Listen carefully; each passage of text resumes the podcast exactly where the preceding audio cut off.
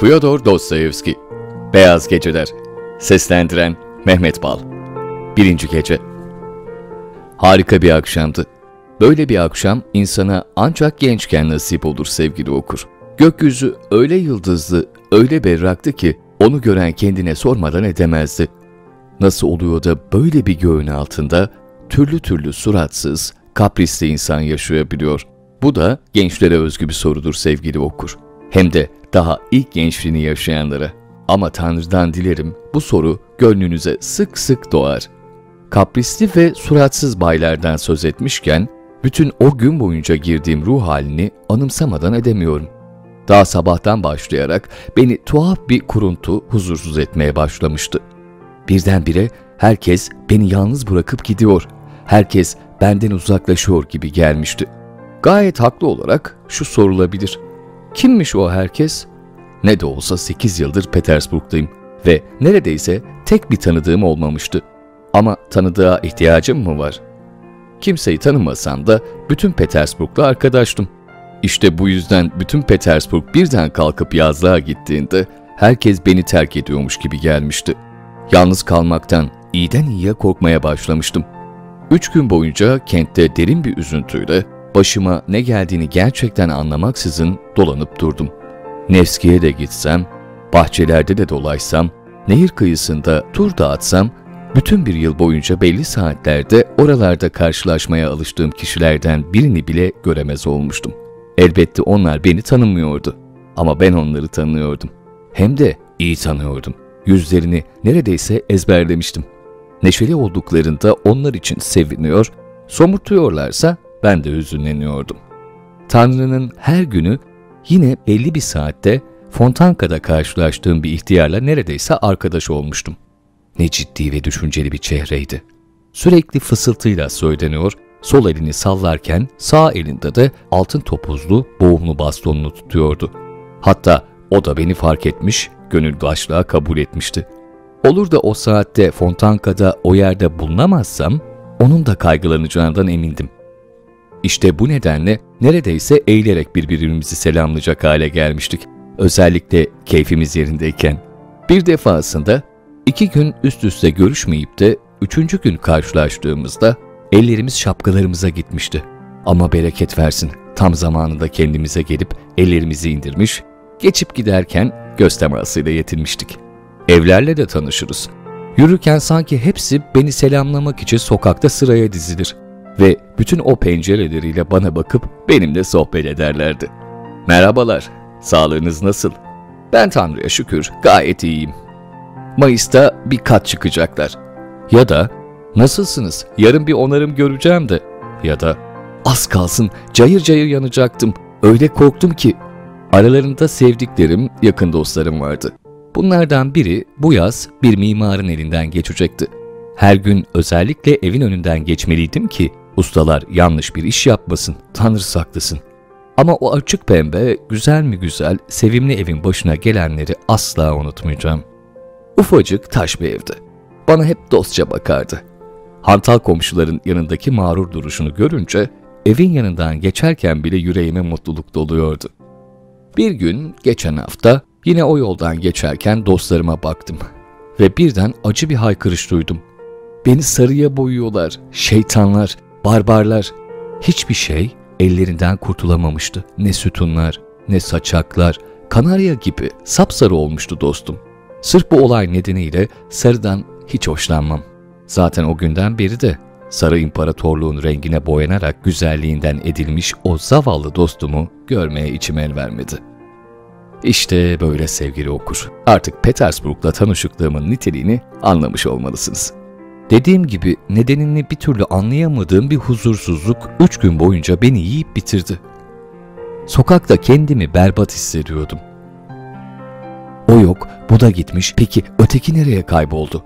Evde de kendime geldiğim pek söylenemezdi. İki gece kendime sorup durdum. Şu yaşamdaki köşeciğimde bana yetmeyen neydi? O köşede kalmak bana neden bu kadar rahatsızlık veriyordu? Kafamda böyle sorularla bakışlarımı isli, sararmış duvarlarımda ve Matroyana'nın serpilmelerine epey katkıda bulunduğu örümcek ağlarıyla dolu tavanımda gezdiriyor, bütün mobilyalarıma teker teker bakıp her bir sandalyeyi acaba sorun bunda mı diye inceliyor, o da yetmezse camdan dışarı bakıyordum. Ama tümü boşunaydı. Bir parça olsun rahatlayamıyordum. Hatta bir ara Montana'yı yanıma çağırıp tavandaki örümcek ağ ve genel ihmalkarlığı üzerine ona babaca bir nutuk çekmeye karar verdim. Ama bana sadece şöyle bir hayretle baktı ve tek sözcükte olsun yanıt vermeden arkasını dönüp gitti. O gün bugündür o örümcek ağ tavanımda keyifle sallanır durur. Nihayet ancak bu sabah doğru sorunun ne olduğunu anladım. Evet ya, millet beni atlatıp yazdıklarını sıvışıyordu. Bu avam üslubumu affedin. Ama ben de pek seçkin bir dille konuşacak halde değilim. Petersburg'da olmayan herkes ya yazlığına gitmişti ya da gitmek üzereydi. Artık hali vakti yerinde görünen bir fayton tutmuş her saygın beyefendi, gözümde hemen her günkü iş koşturmacasını bitirdikten sonra kendi ailesinin kucağına yazlığa atacak muhterem aile babasına dönüşüyordu. Yanımdan geçen herkes her zamankinden farklı bir ruh haline bürünmüş, her karşılaştığına efendim aslında buradan öylesine geçiyorduk yoksa iki saat içinde yazlığa gidiyoruz diyecek gibi geliyordu. Diyelim bir pencere aralandı ve hoş bir kız ince, şeker beyazı parmaklarıyla camı tıklatıp kafasını camdan uzatarak eli buket dolu seyyar çiçekçiye mi seslendi? Hemen o çiçekçilerin öylesine yani kentin o bunaltıcı evlerine biraz olsun baharı taşıyabilmek, odalarını çiçeklerle süslemek için alınmadığını, herkesin yakında yazlığa gideceğini, çiçekleri de birlikte götüreceklerini düşünürdüm. Dahası bu yeni ve özgün akıl yürütmemde öyle ilerlemeler kaydettim ki artık bir bakışta kimin nerede yazdığı olduğunu hatasız saptayabiliyordum. Kameni ya da Abdekarski adalarının sakinleriyle Petergrove yolundakiler ince düşünülmüş tarzları, havalı yaz giysileri ve kentte dolaştıkları göz alıcı faytonlarıyla ayırt edilebilirdi. Pargola ile ötesinde yaşayanlar ölçülülük ve ağırbaşlılıklarıyla daha ilk görüşte insanı hizaya sokarlardı. Krestovski adası ziyaretçileri ise gamsız ve neşeli görünüşleriyle tanınabilirlerdi. Bazen ellerinde dizginleriyle birbirlerinin peşinden miskince ilerleyen yük arabalarının geçit törenine denk geldiğim oldu. Arabalarda her türden mobilyadan oluşmuş tepecikler vardı. Masa, sandalye, Türk usulü olan ve olmayan divanlarla diğer ev eşyalarının üzerine yani dağın zirvesine efendilerinin mallarını göz bebekleri gibi koruyan yorgun aşçı kadınlar oturtulmuştu çoğunda. Bazen de ev eşyasıyla tıka basa yüklenmiş mavnaların Neva'ya ya da Fontanka üzerinden Çernoy nehrine ya da adalara süzülmelerini izledim. Yük arabaları da Mavnınlarda gözümde karıncalar misali çoğalıyor, çoğalıyordu. İşte böyle anlarda herkes toplanıp gidiyor, herkes neyi varsa neyi yoksa yüklenip yazlığa göç ediyor gibi geliyordu. Sanki Petersburg boşalıp ıssız bir bozkıra dönmeye başlamıştı ve ben de sonunda mahcubiyet, üzüntü ve keder içinde kala kalacaktım. Gerçekten de ne gidecek bir yazlığım vardı ne de gitmek için bir nedenim. Herhangi bir arabayla, araba tutmuş herhangi bir eli yüzü düzgün beyefendiyle gitmeye hazırdım. Ama tek, gerçekten tek kişi bile beni davet etmemişti. Beni basbayağı unutmuşlardı. Onlar için düpedüz ve en hakikisinden bir yabancıydım. Uzun süre ve epeyce yürüdükten sonra adetim olduğu üzere kaybolmayı başardım. Kendimi kentin kapısıyla karşı karşıya bulmuştum. Yüreğimde bir hafiflik hissettim. Kapıdan çıkıp sürülmüş tarlalar ve çayırlar arasında yürümeye başladım. Bir nebze olsun yorgunluk duymuyordum. Tüm varlığımla ruhumun ağır bir yükten kurtulduğunu hissediyordum. Gelip geçenler bana öyle dostça bakıyorlardı ki neredeyse yerlere kadar eğilip selam vereceklerdi. Herkes bir şeylere seviniyor, istisnasız bütün insanlar sigara tüttürüyordu. Bense o güne dek hiç olmadığım kadar mutluydum. Kendimi bir anda İtalya'da bulmuş gibiydim. Doğa beni şehir duvarları arasında boğulmak üzere olan bu yarı hasta kentliği o denli kuvvetli çarpmıştı. Bizim Petersburg'un doğasında açıklanamaz, heyecan verici bir yan vardır. Baharın gelişine yakın doğa bütün kudretini, mavi göğün ona bahşettiği bütün güçlerini salıverir. Serpilir, saçılır ve türlü türlü renklere bürünür. İster istemez ufacık tefecik ve çelimsiz bir kızı andırır. Siz ona bazen acıyarak, bazen bir türlü merhamet duygusuyla bakar, bazense bakmaya tenezzül bile etmezken, o bir gün aniden mucizevi biçimde anlatılamaz, göz kamaştırıcı bir güzelliğe bürünür. Sizse sersemlemiş, allak bullak olmuş vaziyette kendi kendinize sorarsınız. O kederli, tasalı gözleri hangi güç böyle keskin bir ışıltıyla tutuşturmuş olabilir? O bembeyaz, çökmüş yanaklara böyle kan yürüten nedir? O narin yüz hatları nasıl bu denli arzuya ve tutkuya boğulabilmiştir? Şu sine nasıl böyle kabarmıştır? Öyle zavallı bir kızın yüzüne güç, yaşam ve güzellik veren, onu böyle ışıltılı gülümseten, böyle şen, bir kıvılcım gibi çakan kahkahalarla neşelendiren nedir? Sağa sola bakıp birilerini arar, tahminler yürütürsünüz. Ama çok geçmeden, belki hemen ertesi günü, o tasalı çökmüş bakışlarıyla eskisi gibi rengi atmış yüzü, hareketlerinde eski boyun eğmişlik, çekingenlik ve dahi pişmanlıkla Hatta o anlık tutku parlamasından dolayı öldürücü ıstırabın ve korkunun izleriyle kızcağız yine karşınızdadır. Size ise üzülmek kalır. O geçici güzellik öyle çabuk, öyle geri dönülemez biçimde solup gitmiş, gözlerinizin önünde öyle aldatıcı biçimde amaçsızca parlayıp sönmüştür ki maalesef daha onu sevmeye bile vaktiniz olmamıştır. Yine de gecem gündüzümden daha iyiydi. Anlatayım nasıl olduğunu. Kente oldukça geç döndüm. Eve yaklaştığımda saat onu bulmuştu. Yolum kanal kıyısından geçiyordu ve o sırada o saatte tek bir canlıya bile rastlamazsınız. Gerçekten de kentin en ücra köşesinde yaşıyorum. Yürüyor, şarkı söylüyordum. Çünkü mutlu olduğumda ben de bir dostu ya da iyi bir tanıdığı olmayan, o neşeli anında neşesini paylaşacak kimsesi bulunmayan her mutlu insan gibi kendi kendime bir şeyler mırıldanırım. Ama birden en ummadığım biçimde bir serüven başladı. Köşede kanalın parmaklıklarına yaslanmış bir kadın duruyordu. Dirseklerini parmaklıklara dayamış, kanalın çamurlu suyuna pür dikkat bakıyordu. Cicili sarı bir şapkayla göz alıcı siyah bir manto giymişti. Genç bir kız ve kesinlikle esmer diye düşündüm. Ben soluğumu tutmuş, yüreğim olanca hızıyla çarparak yanından geçerken kımıldamamasına bakılırsa adımlarımı işitmişti. Tuhaf dedim kendi kendime. Aklı bir şeylere takılmış kuşkusuz. Sonra birden dona kaldım. Kulağıma boğuk bir hıçkırık sesi gelmişti. Evet, yanılmıyordum. Kız ağlıyordu. Bir saniye sonra yine hıçkırıklar duyulmuştu. Tanrım, yüreğim verdi. Kadınlar karşısında ne kadar tutuk olsam da o vakit gelmişti.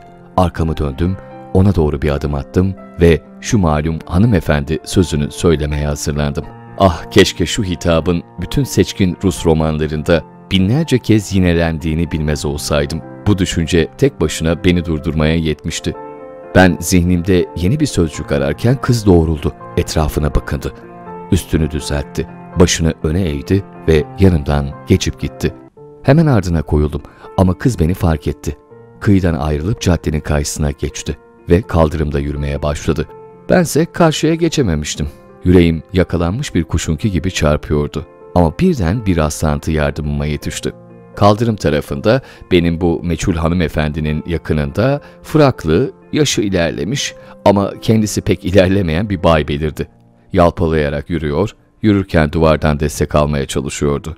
Kız ok gibi hızlıca ve önüne bakarak yanından geçti. Tanımadığı birinin eve kadar eşlik etme teklifine maruz kalmak istemeyen her kız gibi yürüyordu ve ayakta bile duramayan beyefendi, talihim onu yönlendirmiş olmasaydı kıza asla yetişemezdi.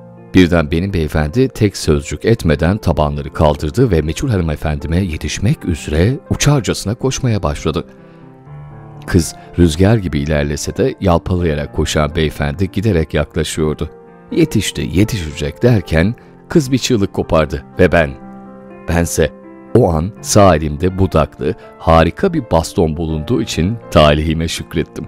Hemen kaldırım tarafına geçtim, arsız beyefendi de durumu hemen anladı. Kafasında reddedilemez bir bahane bulmaya çalıştı. Sustu. Bir iki adım geri attı ve ancak yeterince uzaklaştığımızda beni epey arsız sözcüklerle kınadı. Ama bağırışları bize ancak ulaşıyordu artık. Elinizi verin bana dedim meçhul hanımefendime. Adam da artık yakamızdan düşmüştü. Sessizce elini uzattı. Eli heyecan ve korkudan hala titriyordu. Ah o arsız beyefendi. O an sana ne şükran duydum. Kıza şöyle bir baktım. Ufak tefek ve esmerdi. Kara kipriklerinde hala ışıldayan gözyaşları Ya biraz önceki korkudan ya da daha eski bir acıdandı. Bilemiyorum. Ama dudaklarında artık bir gülümseme parlıyordu. O da bana muzip bir bakış attı ama hemen kızardı. Ve utanarak bakışlarını kaçırdı. İşte görüyor musunuz? Neden beni ters ediniz ki? Ben yanınızda olsaydım bir şey olmazdı. Ama ama sizi tanımıyordum. Sandım ki siz de... Peki ya şimdi tanıyor musunuz? Birazcık. Şimdi mesela. Neden titriyorsunuz? Ah bir bakışta anladınız diye yanıtladım. Benim kızım böyle zeki olmasına sevinerek. Malum zeka güzellikte hiç yan yana gelmez. Evet daha ilk bakışta nasıl biriyle muhatap olduğunuzu anladınız. Doğru, kadınlar karşısında biraz utangacımdır. Demin o baydan ne kadar korktuysanız benim de şimdi en az o kadar heyecanlandığımı da kabul ediyorum. Bir tür korku hatta, rüya gibi. Hatta günün birinde bir kadınla konuşacağımı rüyamda bile görmezdim. Ama neden? Nasıl olur? Öyle işte. Elim titriyorsa daha önce hiç sizin kadar zarif bir el tutmamış olmamdandır. Kadınlardan oldum olası uzak kaldım. Yani kadınlara hiç alışık değilim. Hep yalnızdım. Onlarla nasıl konuşulacağını bile bilmem. İşte şimdi de bilmiyorum. Size saçma sapan bir şey söylemedim ya. Öyleyse lütfen doğruca söyleyin. Sizi temin ederim hiç alıngan değilimdir. Hayır hayır asla. Tam tersine. Açık sözlü olmamı istiyorsanız söyleyeyim. Böyle utangaçlı kadınların hoşuna gider. Hatta şunu söyleyeyim. Bundan ben de hoşlanırım. Ayrıca kapıma kadar bana eşlik etmenizden memnun olurum. Böyle yaparsanız dedim heyecandan nefes nefese utangaçlık falan kalmaz ve o zaman da elveda bütün hilelerim. Hileler mi? Ne hilesi? Niçin? Bakın bu hoş olmadı. Affedin hiç hiç böyle biri değilimdir. Ağzımdan çıkıverdi işte. Ama böyle bir anda insanın şeyi istememesi mümkün mü? Beğenilmeyi mi? Evet elbette. Tanrı aşkına bir bakın. Nasıl biri olduğumu bir düşünün. Baksanıza 26 yaşına gelmişim ama tek bir sevgilim olmamış. Nasıl olur da imalı ve incelikli konuşabilirim? Her şeyin apaçık ortada olması sizin için de daha iyi. Yüreğim konuşurken ben susmayı beceremem. Neyse fark etmez. İnanabiliyor musunuz? Tek bir kadın bile hiç, hiç olmadı. Tanıdığım bile yok. Her gün sonunda bir an gelecek ve biriyle tanışacağım diye düş kuruyorum. Ah bir bilseniz böyle kaç kez aşık oldum. İyi ama nasıl olur? Hem kime? Hiç kimseye, bir ideale, uykumda belirilen bir düşe, hayallerimde dört başı mamur aşk maceraları canlandırdığım olur. Ah beni hiç tanımıyorsunuz. Doğru, mutlaka iki üç kadınla tanışmışımdır ama nasıl kadınlar? Hepsi koca karı gibiydi. Anlatayım da gülün. Birkaç kez seçkin tabakadan bir kadınla sokakta doğrudan konuşmaya başladığımı hayal etmişliğim var. Tabii kadın yalnızken. Elbette utangaç, saygılı ve heyecanlı başlıyorum. Beni kovmasın diye yalnızlıktan öldüğümü, başka yolla bir kadınla tanışma imkanımın olmadığını söylüyorum. Onu etkilemek istiyorum. Ne de olsa bir kadın. En zor anlarında bile benim gibi bir çarenin çekingen yalvarışlarını geri çeviremez. Eh nihayet tek istediğim bana iki dostça laf etmesi. Daha ilk hamlede beni kovmayıp sözüme güvenmesi. Halime gülmesi tabii eğer isterse. Bana biraz umut aşılaması, bir iki söz, yalnızca bir iki söz etmesi. Sonra da bir daha hiç karşılaşmamak üzere gidebilir. Ama gülüyorsunuz. Gerçi bunun için anlatmıştım zaten. Alınmayın lütfen gülüyorum çünkü siz kendinize düşmansınız. Deneseydiniz siz de başarırdınız. Belki sokakta bile ne kadar basit o kadar iyi. İyi yürekli hiçbir kadın budalının teki değilse ya da o anda bir şeye özellikle sinirlenmemişse Utana sıkala, yalvararak istediğiniz o iki üç sözü etmeden sizi göndermez. Ama ne diyeyim, elbette bir kıçık olduğunuzu da düşünebilir. Ben kendimden yola çıkarak konuşuyorum çünkü şu dünyada insanların neler yaşadıklarını yeterince gördüm. Ah çok teşekkür ederim diye bağırdım.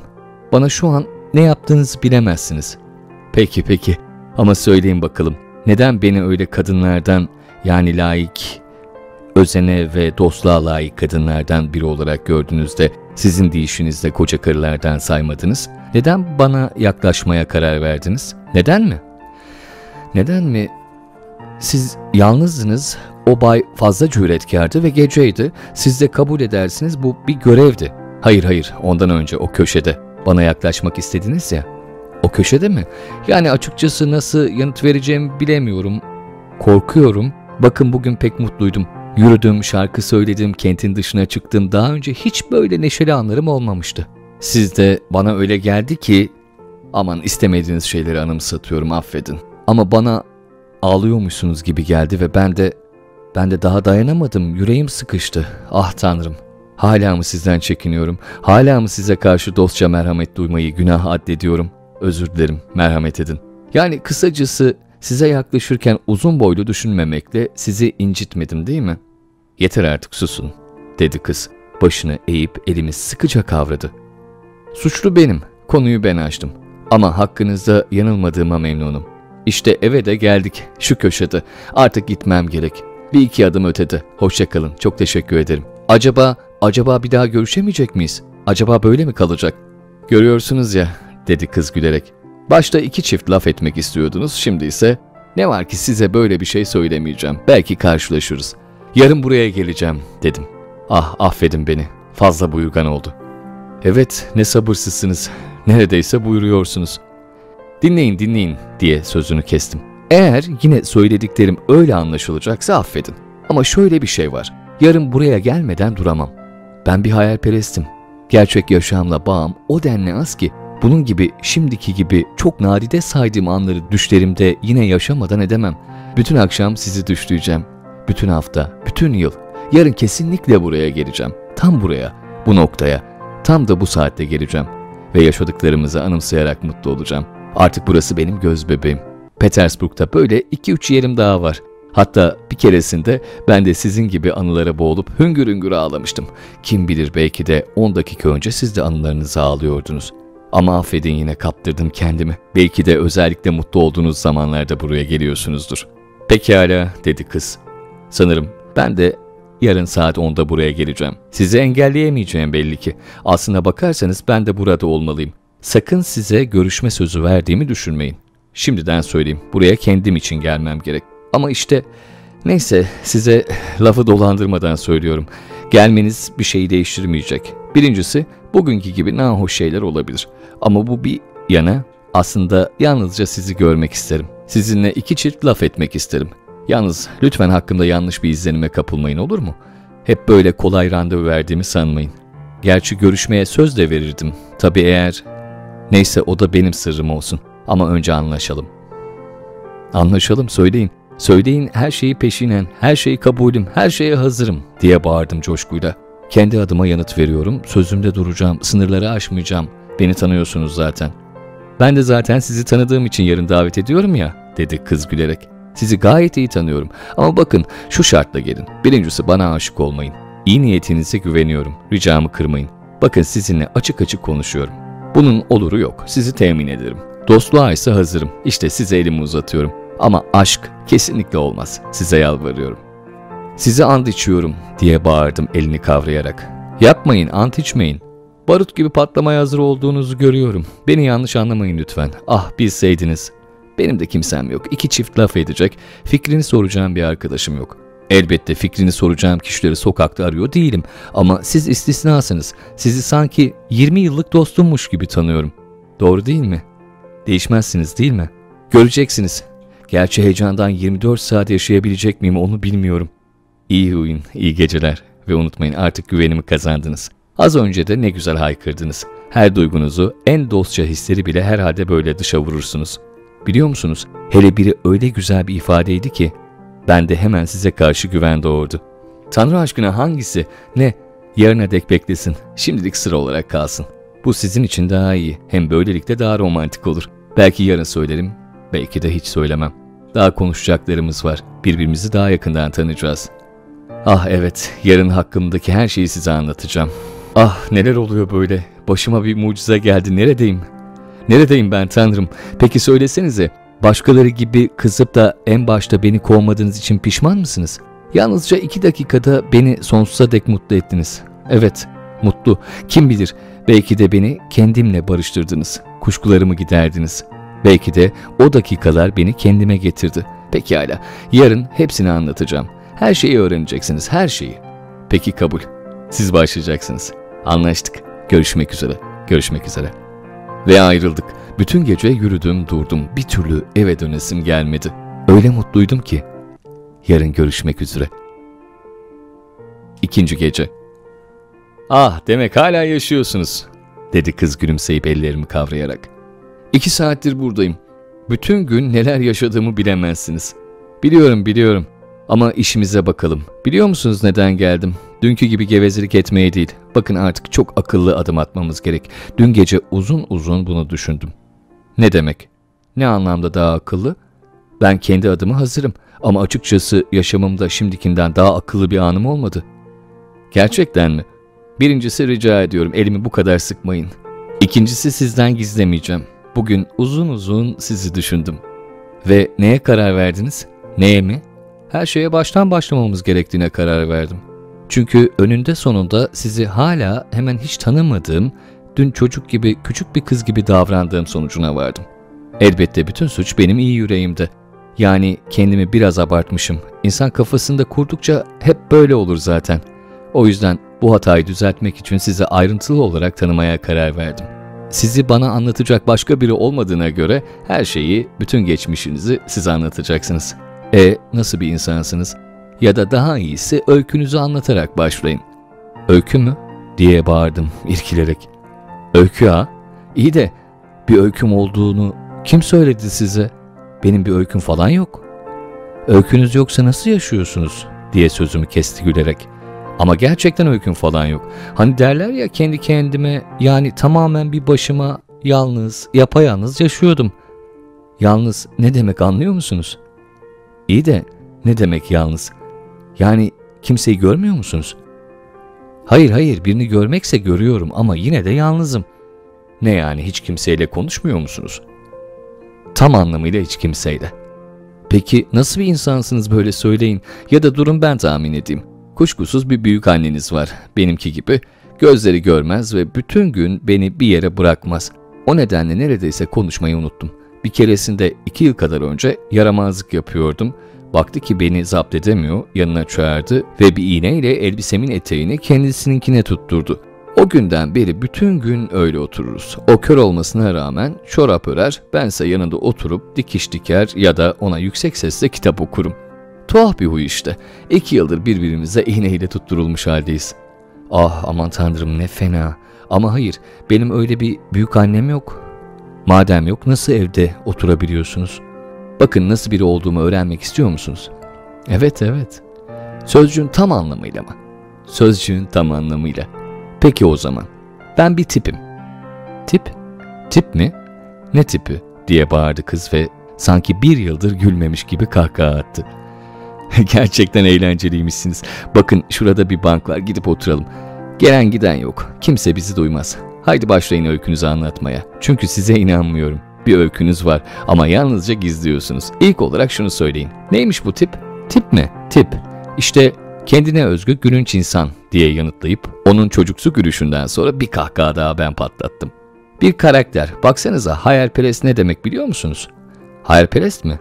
Affedersiniz ama nasıl bilmem. Ben bir hayalperestim. Bir gün boyunca büyük annemin yanında otur bakalım. Aklına neler neler geliyor. Hayaller kurmaya başlayınca kendimi kaptırıyorum. Çin prensiyle evlendiğim bile oluyor. Bazen hayal kurmak iyidir. Ama Tanrı bilir. Özellikle hayaller dışında da düşünecek bir şeyleriniz varsa diye ekledi kız birden ciddileşerek. Harika. Çin prensiyle evlendiğinize göre beni gayet iyi anlayabilirsiniz. Neyse dinleyin. Ama ama çok affedersiniz. Hala bilmiyorum. Adınız neydi acaba? Nihayet ne kadar çabuk anımsadınız böyle. Ah tanrım aklıma bile gelmedi. Her şey benim için öyle iyiydi ki. Adım Nastenka. Nastenka mı? Bu kadar mı? Bu kadar. Galiba size az geldi. Amma aç gözlüymüşsünüz. Az mı? Tam aksine çok. Çok bile Nastenka. Ne iyi bir kızsınız. Sanki siz benim ilk Nastenkamsınız. Öyle anlaşılan. E sonra? Sonrası Nastenka dinleyin bakın nasıl gülünç bir öykü çıkıyor. Yanına oturdum, bilgiç, ciddi bir poz takındım ve yazılı bir metinden okur gibi aşağıdakileri söyledim. Ah Nastenka, belki bilmezsiniz. Petersburg'da kıyıda köşede ne kadar tuhaf yerler var. Bu yerleri sanki bütün Petersburgluları aydınlatan güneş değil de farklı, daha yeni, özellikle o köşeler için ısmarlanmış bir güneş bambaşka özel bir ışıkla aydınlatıyor. O köşelerde sevgili Nastenka sanki bütünüyle başka bir yaşam sürüyor bizimkine hiç benzemeyen ancak Kaf ardında bir yerlerde görülebilecek ama kesinlikle buraya, bizim ciddi mi ciddi zamanımıza ait olmayan bir yaşam. İşte bu yaşamın içinde tümüyle fantastik, sımsıcak, ideal bir dünyayla cansız, yavan, sıradan ve elbette söylemeye ne hacet. İnanılmaz avam bir şeyler karışmışlardı. Vay, yüce tanrım ne giriş ama daha neler duyacağım acaba? Şunu duyacaksınız Nastenka, o köşelerde hayalperest denen tuhaf insanlar yaşar. Hayalperest, insan değildir de, nasıl diyelim, bir ara türdür. Zamanının büyük bölümünü gözden uzak bir köşeye çöreklenmiş olarak geçirir. Sanki gün ışığında bile saklanır ve bir kere bu köşeye çekildiğinde oraya iyice kıvrılarak kalır. Tıpkı bir salyangoz gibi. Aslında bu açıdan hem ev hem hayvan olan o ilginç yaratığa, kaplumbağaya daha çok benzer. Neredeyse hep yeşile boyalı, isli, kederli ve sigara dumanına boğulmuş dört duvarını neden bu kadar sever sanıyorsunuz? Pek nadir tanıdıklarından biri bu gülünç adamı ziyarete geldiğinde neden arkadaşını yüzünde telaşlı, utanmış ve ne yapacağı bilmez bir ifadeyle sanki az önce o dört duvar arasında bir suç işlemiş, sanki sahte belgeler imal etmiş ya da bir dergiye imzasız bir mektupla 3-5 dize gönderirken şairin öldüğünü ama dostu olarak dizelerini yayımlamayı bir borç bildiğini yazmış gibi bir ifadeyle karşılar. Söyleyin bana Nastenka, neden bu iki arkadaşın sohbeti bir türlü yürümez? Neden başka zaman kahkahalarla gülmeyi, pervasız lafları, cinsi latiften ya da başka eğlenceli konulardan konuşmayı pek seven bu ani konuğun, bu şaşkın arkadaşın ağzından bir kahkaha ya da yaşam dolu bir sözcük duyulmaz? Peki neden kuşkusuz yeni tanışılmış ve daha ilk ziyaretini yapan bu tanıdık allak bullak olur? Bütün keskin zekasına rağmen ev sahibinin alt üst olmuş yüzüne baka kalır. Bir iki de artık iyice çaresiz kalmış, sohbeti doğrultmak, biraz renklendirebilmek, kendisinin de incelikler bildiğini göstermek, yine cinsi latiften konuşmak ve ziyarete gelme hatası işleyerek dünyası şaşmış zavallı konunun gözüne girmek için giriştiği muazzam ama faydasız çabalardan sonra ipin ucunu iyice kaçırmış değil midir? Neden konuk birden mühim bir işi olduğunu anımsar da hala mahcubiyetini göstermek ve kaybını telafi etmek için didinen ev sahibinden sıcak tokalaşmasından elini bir şekilde kurtararak şapkasını kaptığı gibi orayı terk eder? Neden konuk kapıdan alaycı gülüşlerle çıkarken kendi kendine bir daha o kaçığın semtine uğramam sözü verir? Oysa o kaçık aslında olabilecek en harika adamdır da o anda bile zihnini hayal kurmaktan alıkoyamaz. Sohbetleri boyunca az önce evinden çıkan tanıdığın yüzünün aldığı hali, çocukların hırpaladığı, korktuğu ve ellerinden gelen her türlü zararı verdiği zavallı bir kediciğin görünüşüyle kıyaslayıp durur. Çocuklar zavallı kediyi haince yakalamış ve yerden yere vurmuşlardır ve kedi sonunda ellerinden kurtulup bir sandalyenin altına karanlık bir yere sığınmış, etrafta kimse olmamasına rağmen bir saat boyunca tüyleri dimdik, kendi kendine homurdanıp yaralı burnunu patileriyle temizlemiştir. Bu kedicik artık çok uzun süre doğaya, yaşama hatta merhametli hizmetçi kadının mükellef bir sofradan onun için ayırdığı bir parça yemeğe bile düşmanca bakmaz mı? Dinleyin, dedi o ana kadar kesmeksizin ağzı ve gözleri açık halde beni dinleyen Nastenka. Dinleyin. Bütün bunların nereden çıktığını ve bana neden böyle tuhaf sorular sorduğunuzu hiç bilmiyorum. Ama sanırım şunu biliyorum. Bütün bu maceralar hiç eksiksiz sizin başınızdan geçmiş. Kuşkusuz diye yanıtladım en ciddi yüz ifademle. Kuşkusuzsa devam edin, dedi Nastenka. Sonunu çok merak ediyorum çünkü.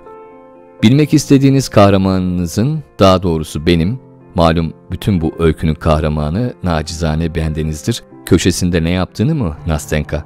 Neden o kadar elimin ayağıma dolaştığını, bu beklenmedik konuğun ziyareti nedeniyle neden günümün zehir olduğunu mu bilmek istiyorsunuz? Kapıyı aralayıp odama girdiklerinde neden öyle telaşlandığımı, kızarıp bozardığımı, konukseverliğimin ağırlığı altında utançtan neden ölüp ölüp dirildiğimi mi öğrenmek istiyorsunuz? Evet evet diye yanıtladı Nastenka. İşte bunları bakın harika anlatıyorsunuz ama biraz daha az harika anlatamaz mısınız? Sanki kitaptan okur gibi konuşuyorsunuz. Nastenka dedim ciddi ve katı bir sesle. Gülmemi zor tutuyordum. Sevgili Nastenka, harika anlattığımın farkındayım ve ne yazık ki başka türlü anlatmayı beceremem. Şimdi sevgili Nastenka, Kral Süleyman'ın bin yıllığına yedi kez mühürlenmiş bir kutuya kapattığı ve nihayet bu kutudan kurtulmuş ifrit gibiyim şu anda. İşte şimdi sevgili Nastenka, o kadar uzun süre sonra yeniden buluşunca çünkü sizi çok eskiden beri tanıyorum Nastenka, çünkü uzun zamandır birini arıyordum ve aradığım sizdiniz. Şimdi buluşmamız yazgımızmış. Kafamda binlerce vana açıldı. Ve soluk bile alamadan kendimi bu sözcük ırmağına bırakmak zorundayım. Yani rica ederim sözümü kesmeyin Nastenka. Sabırla ve sessizce dinleyin. Yoksa susacağım. Hayır hayır hayatta olmaz. Devam edin lütfen. Artık tek sözcük etmeyeceğim. Devam ediyorum. Gün içinde pek sevdiğim tek bir saat vardır sevgili dostum Nastenka. Tam o saatte hemen bütün işler, görevler, yükümlülükler biter. Herkes evine, yemeğe, şöyle gerinip uzanmaya koşturur ve yolda akşama, geceye ve kalan boş zamana layık neşeli konular düşünür.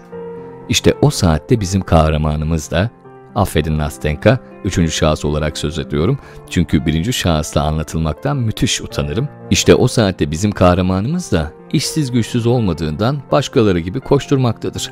Ama o bembeyaz ve sanki biraz da kırışmış yüzünde tuhaf bir mutluluk duygusu kendini ele verir. Akşamın soğuk Petersburg göklerine ağır ağır çöküşüne muhabbetle bakar. Bakar derken nasıl da yalan söylüyorum. Bakmaz. Sanki derin düşüncelere dalmış, yorgunmuş ya da o an kafası daha ilginç başka bir şeyle meşgulmüş de etrafına biraz o da gönülsüzce zaman ayırabiliyormuş gibi şöyle bir göz atar ancak. Mutludur. Çünkü kendisini usandıran bütün o işlerden yarına dek kurtulmuştur. Ve sınıftaki sırasından en sevdiği oyunlara, şakalara koşan bir okul çocuğu kadar neşelidir. Ona kenardan bir bakın Nastenka. Mutluluk duygusunun o zayıf yüz sinirlerinde nasıl dans ettiğini kahramanımızın kapıldığı düş dünyasıyla nasıl hastaymış gibi titrediğini hemen fark edersiniz. Neler düşündüğüne gelince yemeği mi düşünür sanıyorsunuz, geceyi mi düşünür? Peki neye bakıyor? Uygun adım yürüyen atların çektiği ışıltılı arabasıyla yanından geçen hanımefendinin önünde etkileyici biçimde eğilen şu saygın görünümlü beyefendiye mi? Hayır Nastenka. O an bunların hepsi onun için küçük şeylerdir. O artık kendi yaşamıyla zengindir. Birden zengin olmuştur. Batmakta olan güneşin veda ışığı karşısında boşuna öyle neşeyle parıldamamış, ateşten yüreğinden bir hayaller akını salıvermiştir.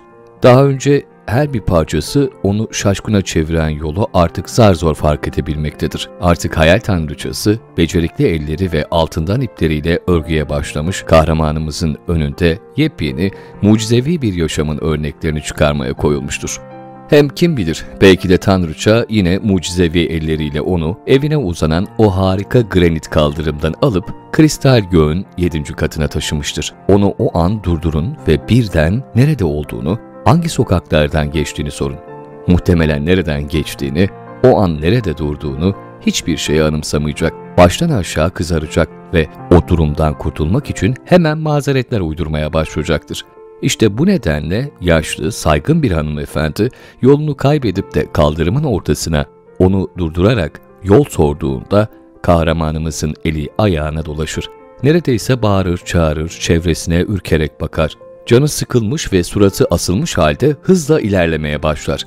Gelip geçenlerin ona güldüğünü, arkasından dönüp baktığını güç bela fark eder. Küçük bir kız çocuğu aceleyle onun yolundan çekilerek yüksek sesle güler. Kahramanımızın dalgın gülümseyişini ve el kol hareketlerini gözlerinin fal taşı gibi açmış izler. Ama o aynı hayal. Uçup uçup bir oraya bir buraya konarak yaşlı kadını meraklı bakışların sahiplerini, gülen çocuğu, fontanka üzerinde, mavnalarında akşam yemeğine oturmuş müzikleri toplamış, yaramaz bir çocuk oyuncağıyla herkes ve her şey arasında mekik dokuyarak onları örümcek ağındaki sinekler gibi kaneviçesine işlemiştir. Kaçığımız mutlu yuvasına kafasında yepyeni hayallerle döner. Yemeğe oturur, yemeğini bir güzel yiyip bitirir ve ancak dalgın, daima kaygılı hizmetçisi Matroyana masayı toplayıp ona çubuğunu uzattığında kendine gelir ve şaşkınlıkla yemeğini çoktan yediğini fark eder. Bunun nasıl olabildiğine dair hiçbir fikri yoktur. Odaya karanlık çökmüştür. Kahramanımızın ruhu boş ve huzursuzdur. Etraftaki hayal dünyasında kaybolmakta, hiçbir iz bırakmadan sessiz, sedasız yitip gitmekte, bir rüya gibi silinmektedir ve kahramanımız gördüğü rüyayı bile anımsamaz. Ama hafifçe göğsünü sızlatan, kapartan karanlık bir duygu, yepyeni bir arzu, hayal gücünü cilveli cilveli gıdıklamaya, dürtmeye başlar ve sezdirmeden yeni bir hayaller akınını başlatır. Küçücük odada sessizlik hüküm sürmektedir. Yalnızlık ve atalet hayal gücünü kışkırtır. Hayal gücü usulca hareketlenmeye, ihtiyar Matroyana'nın mutfakta işleriyle uğraşırken bir yandan pişirdiği kahvenin suyu gibi hafif hafif kaynamaya başlar. İşte artık küçük parlamalarla kabarmaktadır. İşte öylesine amaçsızca aldığı kitap daha üçüncü sayfası bile çevrilmeden hayalperestimizin elinde kayıp gitmektedir. Hayal gücü yeniden açığa kalkmış, harekete geçmiş ve birden yeni bir dünya, yeni nefes kesici bir yaşam gözünü kamaştırarak ışıldamıştır. Yeni bir rüya, yeni bir mutluluk. O rafine, şehvet uyandıran zehirden bir yudum daha. Ah artık bizim gerçek yaşamımız onun için nedir ki? Onun yoldan çıkmış kafasına göre bizler Nastenka hep tembel, ağır, mıymıntı yaşıyoruzdur. Onun gözünde biz hep yazgımızdan rahatsız, yaşamlarımızdan şikayet edip duruyoruz. Aslında gerçekten de düşünsenize ilk karşılaşmamızda aramızda ne kadar soğuk, karanlık, kasvetli bir hava vardı. Zavallılar der hayalperestimiz. Ama böyle diyeceğini tahmin etmek de güç değil tabi. Önünde uçsuz bucaksız, engine uzanan, alabildiğince büyüleyici, alabildiğince değişken, alabildiğine sınırsız imgelere bir bakın. Bu göz kamaştırıcı, capcanlı resmin ön planında baş kişi elbette hayalperestimizin ta kendisidir. Bütün etkileyiciliğiyle durmaktadır. Bakın şu binbir çeşit macera, şu uçsuz bucaksız heyecan dolu düşler geçidine bir bakın. Belki de neyin hayalini kuruyor diye soracaksınız. Ne gereksiz bir soru. Elbette her şeyin.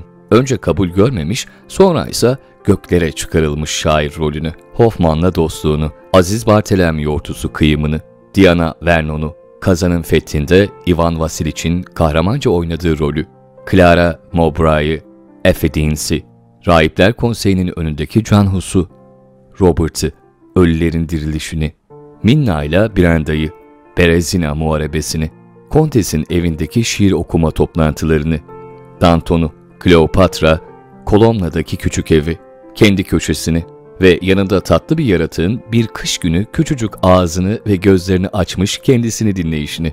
Tıpkı sizin beni şimdi dinlediğiniz gibi küçük meleğim. Hayır Nastenka, sizinle benim istediğimiz yaşama özgü o tatlı uyuşukluğu ne yapsın o? O bunun kötü, acınası bir yaşam olduğunu düşünür ve günün birinde o hazin çanın kendisi için çalacağını, günün birinde o düşlerle dolu yıllarını o acınası yaşamın bir günü için feda edebileceğini aklına bile getirmez. Üstelik bunu mutluluğu uğruna, talihi uğruna da yapmayacaktır. Kederin, pişmanlığın ve dizginlerinden kurtulmuş acının saati geldiğinde seçme şansı olmayacaktır. Ama henüz o büyük an gelmemiştir. Hiçbir şey arzulamaz çünkü o an bütün arzuların üzerindedir. Çünkü her şey yanı başındadır. Çünkü istediği her şeye fazlasıyla sahiptir. Çünkü o kendi yaşamının sanatçısıdır ve eserine her an canının istediği süsü ekleyebilir. O masalsı, düşsel dünyada öyle kolay, öyle doğallıkla ortaya çıkar ki sanki bütün bunlar serap değil de gerçektir. Cidden bazen bir anlığına da olsa bütün bu yaşamın duygusal kabarışlar, yanılsıma, bir algı çarpılması değil, basbayağı gerçek, hakiki, canlı olduğuna inanmaya hazırdır. Peki neden Nastenka? Söyleyin, neden böyle anlarda insanın yüreği sıkışır? Neden sanki büyü yapılmış gibi bilinmeyen bir baskıyla nabı sızlanır? Hayalperestin gözlerinden yaşlar fışkırır, solgun, nemli yanakları ağrır ve bütün benliği karşı konulamaz bir haz duygusuyla dolup taşar. Neden bütün o uykusuz geceler sınırsız bir neşe ve mutlulukla dolu bir anmış gibi geçer? Neden şafak vakti günün pembemsi ilk ışıkları pencereden içeri girip kasvetli odayı bizim Petersburg'umuzdaki gibi o inanılmaz mucizevi ışıklarıyla aydınlattığında hayalperestimizin bitkin ve yorgun, kendini yatağa atıp marazi, çarpılmış ruhu, bu düş nöbetiyle tükenmiş vaziyette kalbini yakan o tatlı sızı eşliğinde uykuya dalar. Evet Nastenka yanılırsın. İster istemez kenardan bakıp onun ruhunun gerçek, eksiksiz bir tutkuyla sarsıldığını düşünürsün. Gayri ihtiyari onun cisimsiz rüyalarında kanlı canlı, ele avuca gelir bir şey olduğuna inanırsın. Ah bu öyle bir yanılgıdır ki, mesela yüreğinde bitmez tükenmez mutluluğuyla, bütün ebedi acılarıyla aşk fışkırabilir. Buna ikna olmak için ona bir kez bakmak da yeter. Ona bir kere bakınca sevgili Nastenka, bu insanın taşkın düşlerinde onca sevdiği kadını hiç tanımamış olduğuna gerçekten inanabilir misiniz?'' Hayalperestimiz onu yalnızca baştan çıkarıcı rüyalarda mı gördü yani? Hepsi hayali bir tutkudan mı ibaret? ömrünün onca yılını bu kadınla el ele geçirmiş iki sevgili bütün dünyayı bir yana atıp kendi dünyalarını, kendi yaşamlarını birbirine bağlamış olamazlar mı? Ayrılık vakti gelip çattığında kadın, haşin göğün altında oyunlar oynayan fırtınayı duymaksızın, gözyaşlarını kirpiklerinden söküp atan rüzgarı hissetmeksizin, hıçkırıklara boğularak adamın göğsüne kapanmamış mıdır? Acaba bütün bunlar kederli, bakımsız bu bahçe, yosun bağlamış, tenha ve kasvetli patikalarıyla yalnızca bir hayal midir? Oysa kaç kez o patikalarda birlikte yürümüşler, o bahçelerde birlikte umutlanmış, kederlenmiş, birbirlerini sevmişlerdir. Hem de nasıl bir karşılıklı aşk. Öyle doyasıya ve şefkat dolu. Ya kadının onca zaman yaşlı, kasvetli, sonsuz bir suskunluğa ve huysuzluğa boğulmuş kocasıyla yalnız başına keder içinde yaşadığı, dedesinden kalma o tuhaf ev, evde nasıl da adamdan korkarak sıkıntı ve ürkeklikle utangaç çocuklar gibi aşklarını birbirinden gizlemişlerdir. Nasıl bir ıstırap çekmiş, nasıl bir korku yaşamışlardır. Aşkları ne kadar saf ve temizdir ve insanlar ne kadar kötücüldür. Ah Tanrım, sonradan memleketlerinden çok uzak, yabancı bir gökyüzü altında sıcak bir öğle vakti göz kamaştıran, büyüleyici bir kentteki gösterişli bir baloda karşılaşmasınlar mı? Gürültülü müziğe boğulmuş ışıl ışıl bir palazzoda. Mersinler ve güller içinde kaybolmuş bir balkonda kadın onu tanımış, hemen maskesini çıkarıp fısıldamıştır. Artık hürüm. Ürpererek kendisini adamın kollarına bırakır. Sevinç nidalarıyla birbirlerine sarılırlar. İşte o an acıyı da, ayrılıklarını da, bütün ıstıraplarını, o kasvetli evi, ihtiyarı, memlekette, uzakta kalmış karanlık bahçeyi ve kadının son bir ateşli öpücükten sonra adamın kollarında elem ve yürek sızısıyla ayrılıp gittiği o bankıda unutuvermişlerdir. Ah kabul edin Nastenka, uzun boylu, sağlam yapılı, neşeli ve şakacı bir dostunuz, beklemediğiniz bir anda kapınızı çalıp hiçbir şey yokmuş gibi, ah dostum benim, daha şimdi Pavlovsk'tan geldim dediğinde komşunun bahçesinden çaldığı elmayı alelacele cebine tıkıştırmış okul çocuğu gibi nasıl da huzursuz olur, utanır, kızarıp bozarırsınız. Tanrım, bir anda ihtiyar kont ölmüş, tarifsiz bir mutluluk ortalığı aydınlatmaya başlamıştır. Burada ise insanlar Pavlovsk'tan dönmektedir. Hastalıklı haykırışlarımı bitirip yine hastalıklı biçimde sustum. Şöyle esaslı bir kahkaha atmak için müthiş bir istek duyduğumu anımsıyorum. Çünkü içimde kötü huylu bir iblisin kıpırdanıp durduğunu ya da boğazımın düğümlenmeye, çenemin kaşınmaya başladığını ya da gözlerimin giderek yaşardığını hissediyordum. Beni dinleyen Nastenka'nın zeka dolu gözlerini açıp o çocuksu tutamadığı neşeli kahkahasını patlatmasını bekliyordum. Aslında fazla ileri gittiğime de pişmandım. Öte yandan, öteden beri yüreğimde biriktirdiklerimi kitaptan okur gibi gereksiz yere anlatmıştım. Ne de olsa çok önceden böyle bir konuşmayı ayrıntısıyla tasarlamış ve anlaşılmayı bile beklemeden kendimi tutamayıp açık etmiştim. Ama beni de şaşırtan Nastenka ağzını açmadı. Ardından elimi hafifçe sıktı ve halden anlayan ama çekingen bir tavırla sordu. Gerçekten bütün yaşamınızı böyle mi geçiriyorsunuz? Bütün yaşamımı Nastenka diye yanıtladım. Bütün yaşamımı böyle geçirdim ve sanırım böyle de bitireceğim. Hayır böyle olamaz dedi huzursuzlanarak. Böyle olmamalı. Ben de belki bütün yaşamımı büyük annemin yanı başında geçireceğim. Bakın böyle yaşamanın hiç doğru olmadığını biliyorsunuz değil mi? Biliyorum Nastenka biliyorum diye bağırdım. Artık duygularımı gemleyemiyordum. Daha fazlasını da biliyorum. En güzel yıllarımı heba etmişim. Artık bunun farkındayım ve fark etmiş olmaktan acı duyuyorum. Çünkü sizi bana Tanrı yolladı. İyilik meleğim benim. Bana bunları kanıtlamak için yolladı. Şimdi yanınızda oturmuş sizinle konuşurken geleceğe korkuyla bakıyorum. Çünkü gelecekte yine yalnızlık, yine o yavan, o gereksiz yaşam var. Gerçekten de yanınızda oturup bu mutluluğu tattıktan sonra artık neyin hayalini kurayım?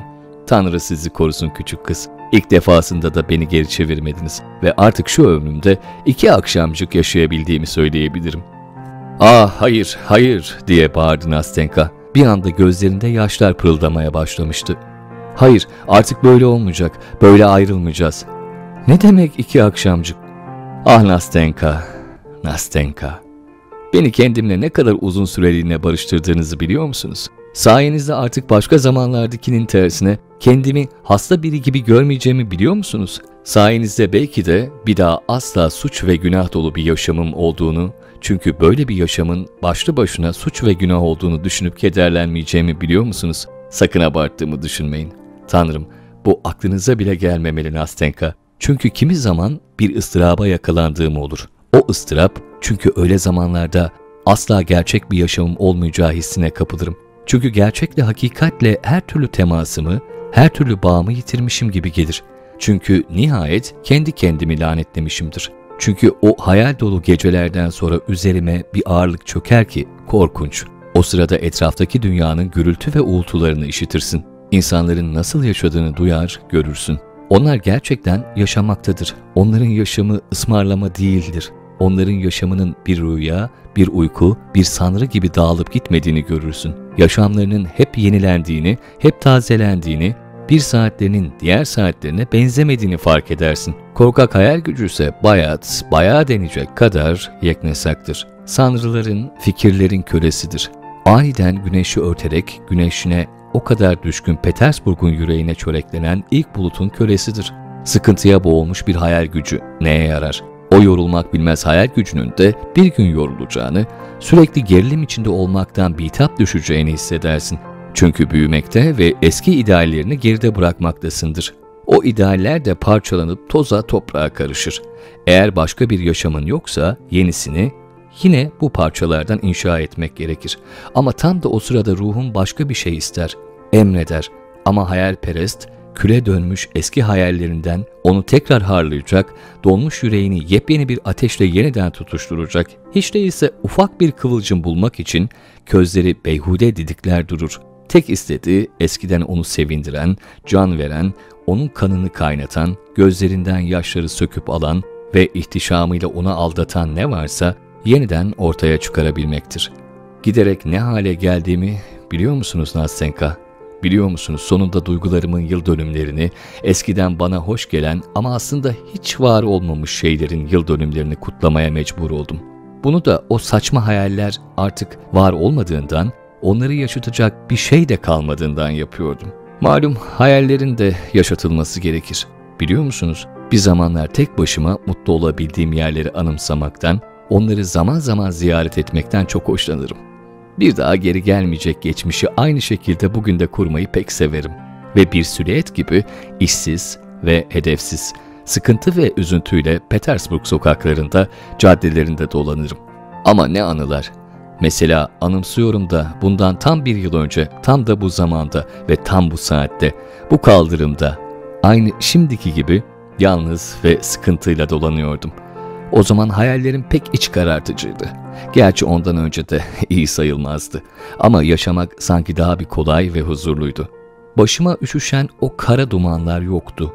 O vicdan azapları, gece gündüz yakanı bırakmayan o karanlık, kasvetli pişmanlıklar yoktu. Tabi o zaman soruyorsun kendine. Nerede şimdi o hayallerin? Kafanı iki yana sallayıp yıllar nasıl da uçup gidiyor diyorsun. Yine soruyorsun. Nasıl geçirdin o yıllarını? En güzel zamanlarını nereye gömdün? O yılları yaşadın mı, yaşamadın mı? Bak dostum diyorsun kendine. Bak artık toprak soğumaya başladı. Birkaç yıl daha geçecek ve sonra koltuk değneklerine dayanmış, titreyen ihtiyarlık, ondan sonra ise sefalet ve terk edilmişlik gelecek. O düşler dünyası beyazla örtülecek, donacak, hayallerin solacak ve sararmış yapraklar gibi düşüp gidecek. Ah Nastenka, yalnız kalmak, tamamen tek başına kalmak ve hayıflanacak bir şey bile bulamamak ne kadar boğucu. Hiçbir şeye benzemez, hiçbir şeye. Çünkü elinden kayıp gidenler bütün o yitirdiklerin aslında bir hiçlikten ibaret. Saçma, yüz yuvarlak bir sıfır. Yalnızca ve yalnızca kafandaki hayaller. Beni daha fazla üzmeyin, dedi Nastenka gözünden süzülen yaşları silerek. Artık bitti. Artık ikimiz varız. Artık başıma ne gelirse gelsin hiç ayrılmayacağız. Dinleyin. Ben basit bir kızım. Pek okul yüzü görmedim. Bir tek büyük annem bana özel hoca tutmuştu ama sizi gerçekten anlıyorum. Çünkü şimdi bana anlattığınız her şeyi büyük annem beni elbisesine iğneleyince ben de yaşadım. Elbette sizin kadar güzel anlatamam. Okumuş biri değilim. Ama bana içinizi açtığınız için çok mutlu oldum. Artık sizi tanıyorum. Her şeyinizle tamamen tanıyorum. Bakın ne diyeceğim. Ben de hiçbir şeyi gizlemeden size öykümü anlatmak istiyorum. Hem sonra bana tavsiye de verirsiniz. Çok akıllı bir insansınız. Söz veriyor musunuz bana tavsiye vereceğinize? Ah Nastenka diye yanıtladım. Ben hiç tavsiyeler veren biri olmadım. Hele de akıllıca tavsiyeler. Ama böyle devam edersek bu akıllıca olur. İkimiz de birbirimize akıllı tavsiyelerde bulunur dururuz. Ah benim iyi yürekli Nastenkam. Ne tavsiyesi istiyorsunuz? Çekinmeden söyleyin. Şimdi öyle neşeli, mutlu, yürekli ve duyarlıyım ki cebimden sözcük çıkarmakta hiç mi hiç zorlanmam. Hayır hayır diye sözümü kesti Nastenka gülerek. Bana akıllıca bir tavsiye değil, yürekten dostça bir tavsiye gerekli. Sanki beni bir asırdır seviyormuşsunuz gibi. Peki Nastenka, nasıl istersin? diye bağırdım sevinçle. Sizi 20 yıldır seviyor olsaydım bile şimdikinden daha coşkulu sevemezdim. Elinizi verin, dedi Nastenka. Alın sizin olsun, diyerek ona elimi uzattım.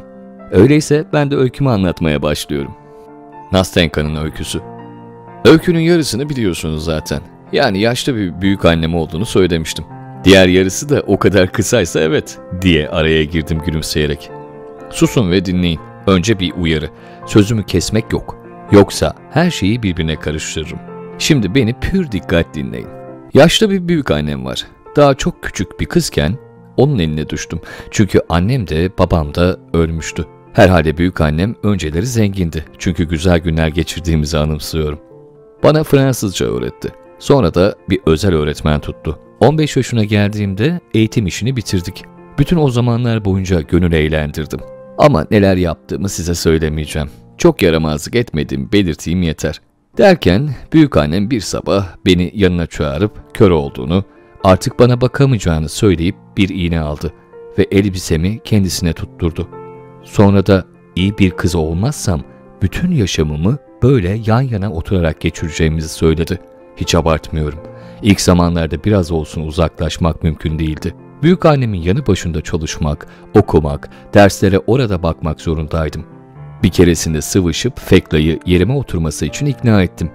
Fekla bizim hizmetçidir, sağırdır. Fekla yerime geçti. Büyük annem o sırada sandalyede uyukluyordu. Ben de yakındaki bir arkadaşıma gittim. Ah, sonu çok kötü oldu.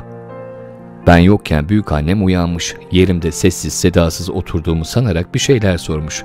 Fekla da bakmış, büyük annem bir şey soruyor ama kendisi duyamıyor. Ne yapacağını düşünmüş, düşünmüş ve iğneyi çıkardığı gibi kaçıp gitmiş. Burada Nastenka durakladı ve gülmeye başladı. Onunla birlikte ben de. Ama birden gülümsemeyi kesti. Hayır siz büyük anneme gülmeyin. Ben gülüyorum. Çok gülünç. Ne yapalım büyük annem böyle biri ama ben az da olsa severim onu. Neyse bunun üzerine beni cezalandırdı. Beni yerime oturttu ve neredeyse kımıldamamı bile yasakladı. Sahi söylemeyi unutmuşum. Bizde yani büyük annemin evinde küçücük bir evdir. Hepi topu üç pencere vardır. Hepsi de ahşap ve büyük annem kadar eskidir. Ama bir de tavan arası vardır. İşte oraya yeni bir kiracı taşındı. Kiracı da mı yaşlıydı diye sordum arada. Yaşlıydı tabii dedi Nastenka. Ayrıca susmakta sizden daha başarılıydı. Aslında ağzını da nadiren açardı. Yaşlı, zayıf, dilsiz, gözü görmeyen, topal bir ihtiyardı. Zaten Zaten sonunda toprak üstünde duramadı. Öldü gitti. O yüzden yeni bir kiracı almak gerekti. Çünkü o evde kiracısız geçinmek imkansızdır. Neredeyse tüm gelirimiz büyük annemin emeklilik parasıdır. Yeni kiracı şansımıza genç biriydi. Buralı değildi. Geçici olarak gelmişti. Hiç pazarlık etmediğinden büyük annem adamı kabul etti. Ama sonradan sordu. Nastenka kiracımız genç mi değil mi? Hiç yalan söyler miyim? Yani büyük anneciğim pek genç sayılmaz ama yaşlı diyemeyiz. Peki eli yüzü düzgün mü bari diye sordu büyük annem. Yine yalan söylemek istemedim. Evet eli yüzü düzgün büyük anneciğim dedim. Büyük annem birden çıkıştı. Ah işte ceza, ceza bu. Bak sana tembih diyorum. O adama göz ucuyla bile bakmayacaksın. Başımıza taş yağacak. Şu kiracıya bak. Tanımayız etmeyiz. Bir de eli yüzü düzgünmüş. Ah nerede kaldı eski günler? Büyük anneme sorsanız eski günlerde her şey daha iyiydi. Eskiden daha gençti. Güneş eskiden daha iyi ısıtırdı. Kaymak eskiden böyle çabuk ekşimezdi. Ne varsa eskide vardı. Bense öyle oturmuş, susuyor, kendi kendime düşünüyordum. Neden büyük annem bana öğüt veriyor? Neden ki kiracının gençliğini, elini ayağını soruyor? İşte bunlar öylesine bir aklıma geldi. Sonra yine ilmik saymaya, çorapları örmeye koyuldum. Unuttum, gittim. Bir sabah kiracı bize geldi. Odasına duvar kağıdı yapılacağından söz etti. Laf lafı açtı. Büyük annemin de çenesi açılmış konuşuyordu. Nastenka yatak odama git de hesap defterimi getir haydi. Ben de yerimden fırladım ve bir anda kıpkırmızı kesildim. Çünkü iğneyle büyük anneme tutturulduğumu unutmuşum. Tabii kiracı görmesin diye sessizce iğneyi çıkarmak yerine yerimden aniden kalkınca büyük annemin sandalyesi de benimle birlikte yürümesin mi? Kiracının da durumu fark ettiğini görünce kıpkırmızı kesildim.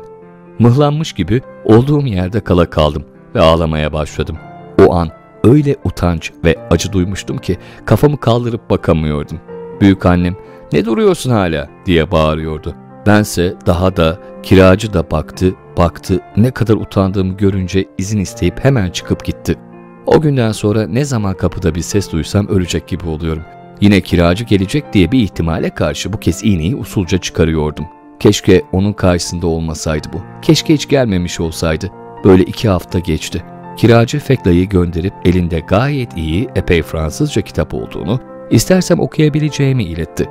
Hem büyük annem de sıkılmaması için kitapları ona okumamı istemez miydi? Büyük annem bu teklifi memnuniyetle kabul etti. Ama ahlaka uygun kitaplar olup olmadığını da sordu. Çünkü ahlaksız kitaplarsa Nastenka dedi. Kesinlikle okumak yok. Kötü şeyler öğrenirsin. İyi de ne öğreneceğim büyük anneciğim? Ne yazar ki bu kitaplarda? Ah dedi o kitaplarda genç adamların edepli kızları evlenme vaadiyle kandırıp ailelerinden koparmaları, sonra da zavallı kızları kaderlerine terk etmeleri, kızların işler acısı halde mahvolmalarını anlatır. Ben öyle kitapları çok okudum diye devam etti büyük annem. Hepsi de öyle güzel yazılmıştır ki geceleri oturup bir solukta okursun. Bak Nestenka, kesinlikle onları okumak yok. Nasıl kitaplar yollayacakmış bakalım. Hepsi Walter Scott romanlarıymış büyük anneciğim. Walter Scott romanları mı? Bir dakika. Bir oyun mu var acaba bu işte? Baksana kitapların içine aşk mektubu falan koymuş olmasın? Hayır büyük anne dedim. Yok mektup falan. Sen cildin içine de bak. Bazen cilde de sıkıştırır haydutlar. Hayır büyük anneciğim ciltte de bir şey yok. Peki öyleyse. Böylece Walter Scott'u okumaya başladık ve herhalde bir ayda kitabın yarısını bitirdik. Sonra kiracımız kitap üstüne kitap yolladı. Aralarda Pushkin de vardı ve sonunda ben de kitapsız yapamaz oldum. Bir Çin prensiyle evlenme hayallerini bıraktım. İşte kiracımızla bir gün merdivenlerde karşılaştığımızda durum böyleydi. Büyük annem bir iş için beni dışarı yollamıştı. Adam durdu, ben kızardım, o kızardı, sonra birden gülümsedi. Selam verip büyük annemin sağlığını sordu ve ''E, kitapları okudunuz mu?'' dedi. ''Okudum'' diye yanıtladım. ''Peki en çok hangisini sevdiniz?'' Ben de en çok Ivano ve Pushkin'i beğendim dedim. Konuşmamız bu kadar sürdü. Bir hafta sonra merdivenlerde yine ona rastladım. Bu kez büyük annem yollamamıştı. Bir nedenle ben çıkmıştım. Saat üçtü ve kiracı da o sırada evine dönüyordu. Merhaba dedi. Ben de merhaba dedim. Söylesenize bütün gün büyük annenizle oturmaktan sıkılmıyor musunuz? Bana bu soruyu sorunca her nedense kızarıp bozardım, utandım. Yine biraz kırılmıştım. Belki başka insanların da ikide bir bunu sormaya başlaması yüzündendir. Bakın siz çok iyi bir kızsınız dedi. Sizinle böyle konuştuğum için affedin. Ama sizi temin ederim, iyiliğinizi büyük annenizden çok istiyorum. Arada ziyaret edebileceğiniz arkadaşlarınız yok mu hiç? Olmadığını söyledim. Maşenka diye biri vardı ama o da Pkova taşınmıştı. Baksanıza dedi. Benimle tiyatroya gelmeye ne dersiniz? Tiyatroya mı? Ama büyük annem ne olacak? Aman canım dedi. Büyük annenize söylemezsiniz. Hayır dedim. Büyük annemi kandırmak istemiyorum. Hoşçakalın bayım. Peki güle güle dedi. Ben de başka bir şey söylemedim. Ama yemekten sonra bize geldi. Oturdu, büyük annemle uzun uzun konuştu. Ona dışarı çıkıp çıkmadığını, tanıdıkları olup olmadığını sordu ve birden ağzından şu sözler döküldü. Ben de bugün operaya locadan bilet almıştım. Sevil Berberi sahneleniyor. Arkadaşlar gelecekti sonra vazgeçtiler. Biletler de elimde kaldı. Sevil Berberi mi? diye bağırdı büyük annem. Hani şu zamanında oynadıkları berber mi? Evet dedi. Tam o berber. Sonra bana dönüp baktı. Bense anlayacağımı anlamış yine kızarmıştım. Yüreğim umutla yerinden fırlayacaktı. Tabii canım dedi büyük annem. Nasıl bilmem. Zamanında benim de özel bir tiyatroda Rossina'yı oynamışlığım var. E peki benimle gelmez misin bugün dedi kiracı. Yoksa bilet yanacak. Ah elbette gelirim dedi büyük annem. Neden gelmeyeyim? Benim Nastenka da hiç tiyatroya gitmedi. Tanrım ne mutluluktu. Hemen toparlandık, giyinip kuşanıp çıktık. Büyük annem kör olsa da müziği dinlemek istemişti. Ayrıca iyi bir ihtiyardır. Biraz gün yüzü göreyim istiyordu. Birlikte hiç dışarı çıkmamıştık. Sevil berberi konusundaki düşüncelerimi size anlatmayayım. Yalnız şunu söyleyebilirim. Bütün akşam boyunca kiracımız bana öyle hoş bakıyor, benimle öyle güzel konuşuyordu ki sabah şansını deneyip onunla tek başına çıkmamı teklif edeceğini hemen anlamıştım. Ne mutluluktu ama. O gece yatağa uzanırken öylesine gururlu ve mutluydum ki hatta yüreğim öylesine hızlı çarpıyordu ki biraz ateşim bile çıktı da bütün gece Sevil berberini sayıklayıp durdum. O günden sonra bize daha sık uğrayacağını sanıyordum. Ama öyle olmadı. Neredeyse tümden ayağını kesti. Ancak ayda bir kez kapımızı çalıyordu, o da tiyatroya davet etmek için. Bu şekilde iki kez daha buluştuk. Ama bu buluşmalar bana yetmiyordu. Bana karşı yalnızca büyük anneme iğnelendiğim için acıma duyduğunu, başka bir his beslemediğini görüyordum. Böyle böyle sonunda yerimde duramaz oldum. Büyük annem otur diyor, oturmuyor, oku diyor, okumuyor, çalış diyor, çalışmıyordum. Bazen büyük anneme inat, gülüyor, bazen hiç yoktan ağlamaya başlıyordum. Sonunda iyice kötüleştim. Neredeyse hasta olup yataklara düşüyordum. Derken opera sezonu kapandı ve kiracımız hiç uğramaz oldu. Karşılaştığımızda hep merdivenlerde karşılaşıyoruz elbette. Tek söz etmeden, ciddiyetini de hiç bozmadan eğilip selam veriyor, konuşmak istemiyormuş gibi kapıdan çıkıp gidiyordu. Bense merdivenlerin ortasında onu görünce bütün kanım yüzüme hücum ettiğinden vişne gibi kızarmış öylece kala kalıyordum. Öykünün sonuna geliyoruz. Tam bir yıl önce. Mayıs'ta kiracı bize geldi ve büyük anneme buradaki işlerini hallettiğini, bir yıllığına yeniden Moskova'ya gitmesi gerektiğini söyledi. Bunu duyar duymaz benzim attı. Ölü gibi sandalyeye çöktüm. Büyük annem hiçbir şey fark etmedi. Kiracı ise bizden ayrılacağını bildirdikten sonra vedalaşıp gitti. Ne yapmalıydım? Düşündüm, düşündüm, efkarlandım da efkarlandım ve sonunda karar verdim. Ertesi gün ayrılıyordu ve ben o akşam büyük annem uyuduktan sonra bu işe bir son verecektim. Öyle de yaptım. Giysiymiş, çamaşırmış ne gerekiyorsa bir bohçaya doldurdum ve elimde bohçamla yarı ölü halde tavan arasına kiracımızın yanına çıktım. Herhalde merdivenleri çıkmam bir saat sürmüştür. Kapısını araladığında beni görür görmez bir feryat kopardı. Hayalet olduğumu sanmış. Sonra kalkıp bana su getirdi. Çünkü ayakta zor duruyordum. Yüreğim çarpıyor, başım çatlayacak gibi ağrıyordu. Zihnim bulanıklaşmıştı. Kendimi toparladığımda ilk iş bohçamı yatağına koydum. Ben de yanına oturdum. Yüzümü ellerimle kapatıp iki gözüm iki çeşme ağlamaya başladım. Sanıyorum o an her şeyi anlamıştı. Karşımda benzi atmış halde duruyor, bana öylece acıyarak bakıyordu ki yüreğim parçalanıyordu. Dinleyin diye söze girdi. Beni dinleyin Nastenka. Elimden bir şey gelmez. Yoksul bir adamım. Hiçbir şeyim yok. Doğru düzgün bir evim bile yok. Sizinle evlensem bile nasıl yaşarız? Uzun uzun konuştuk. Sonunda sabrım tükendi. Büyük annemle yaşayamayacağımı, beni ondan kurtarmasını, ona iğnelenmek istemediğimi, dilerse onunla Moskova'ya geleceğimi çünkü onsuz yaşayamayacağımı söyledim. Utanç, aşk ve gurur. O an üçü de benim ağzımdan konuşuyordu ve ben neredeyse kriz geçirip yatağa düşmek üzereydim. Reddedilmekten öyle korkuyordum ki birkaç dakika ses çıkarmadan öylece durdu. Sonra ayağa kalktı, yanıma geldi ve ellerimi tuttu. Bakın benim sevgili, iyi yürekli Nasenkam diye başladı gözyaşları içinde. Beni dinleyin. Size söz veriyorum günün birinde maddi durumum evlenmeye el verirse mutluluğu kesinlikle sizde bulurum. Sizi temin ederim. Beni yalnızca siz mesut edebilirsiniz. Şimdi iyi dinleyin. Moskova'ya gidiyorum ve tam bir yıl orada kalacağım. İşlerimi yoluna koyacağımı umuyorum. Döndüğümde eğer bana olan sevginiz kaybolmamışsa size yemin ederim mutluluğa erişeceğiz. Fakat şimdilik bu mümkün değil. Yapamam. Herhangi bir söz vermeye bile hakkım yok. Fakat yineliyorum. Bir yıl sonra değilse bile bir gün mutlaka olacak. Elbette o zamana kadar yerime başkasını bulmamışsınız. Çünkü sizden herhangi bir bağlayıcı söz istemeye bile cüret edemem. Bunları söyledi ve ertesi gün ayrıldı. Bundan büyük anneme hiç bahsetmemem gerekiyordu. Öyle istedi. İşte böylece benim öykümün de neredeyse sonuna gelmiş oluyoruz. Tam bir yıl geçti. Geri döndü. Üç gündür buralarda. Ve, ve Ve ne diye bağırdım. Sonunu duymak için sabırsızlanıyordum.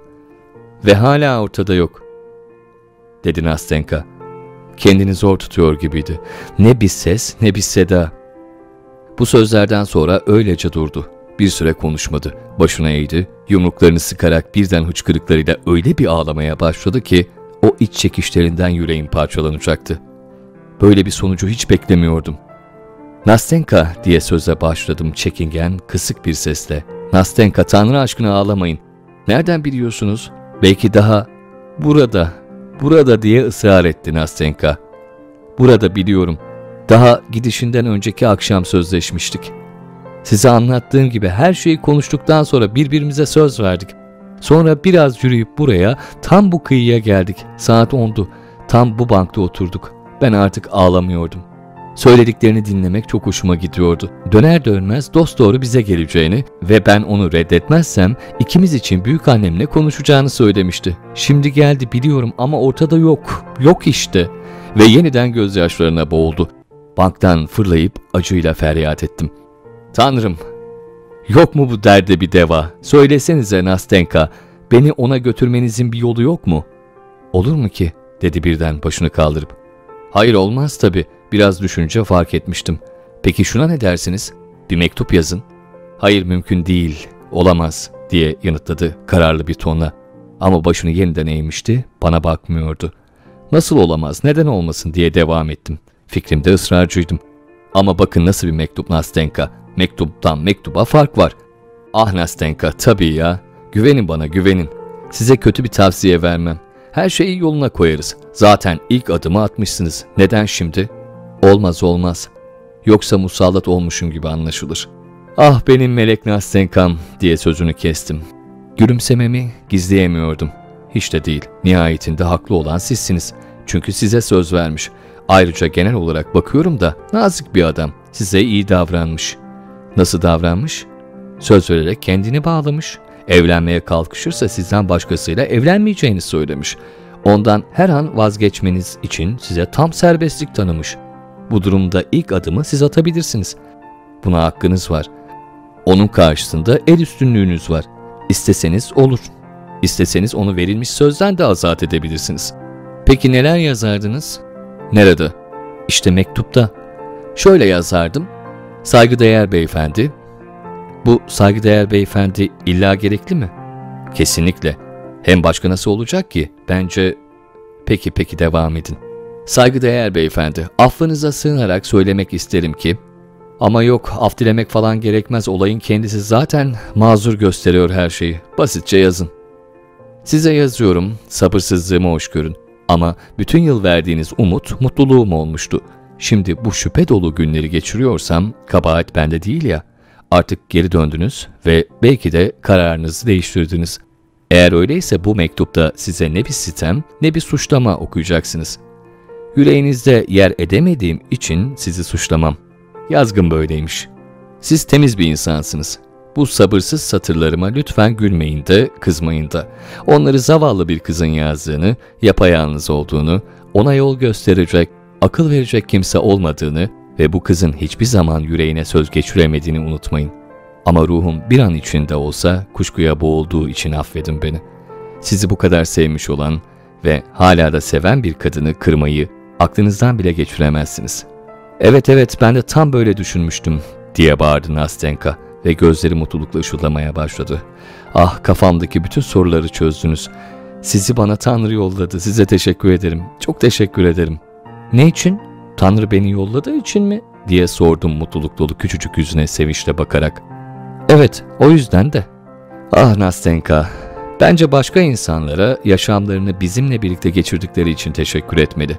Benimle buluştuğunuz için, yaşamım boyunca sizi anımsayacağım için asıl ben size teşekkür ederim. Tamam bu kadar yeter. Bakın şimdi ne yapacağız? Buraya döner dönmez tanıdığım iyi, düzgün ama konudan habersiz birilerine mektup bırakarak beni haberdar edecekti. Eğer mektup yazması mümkün olmazsa malum mektupta bazen her şeyi anlatamazsınız. Döndüğü gün saat tam onda buluşmayı kararlaştırdığımız yere buraya gelecekti. İşte o geleli üç gün oldu ama ne mektup var ne kendisi. Sabahları büyük annemi bırakıp çıkamıyorum. Yarın mektubu o bahsettiğim düzgün insanlara siz götürün. Onlar kendisine iletir. Yanıt gelirse akşam saat 10'da yine siz bana getirirsiniz. Ama ya mektup? Ya mektup? Önce mektubu bitirmek gerekir. O yüzden bunları öbür gün yazarız. Mektup diye yanıtladı Nastenka biraz tereddütle.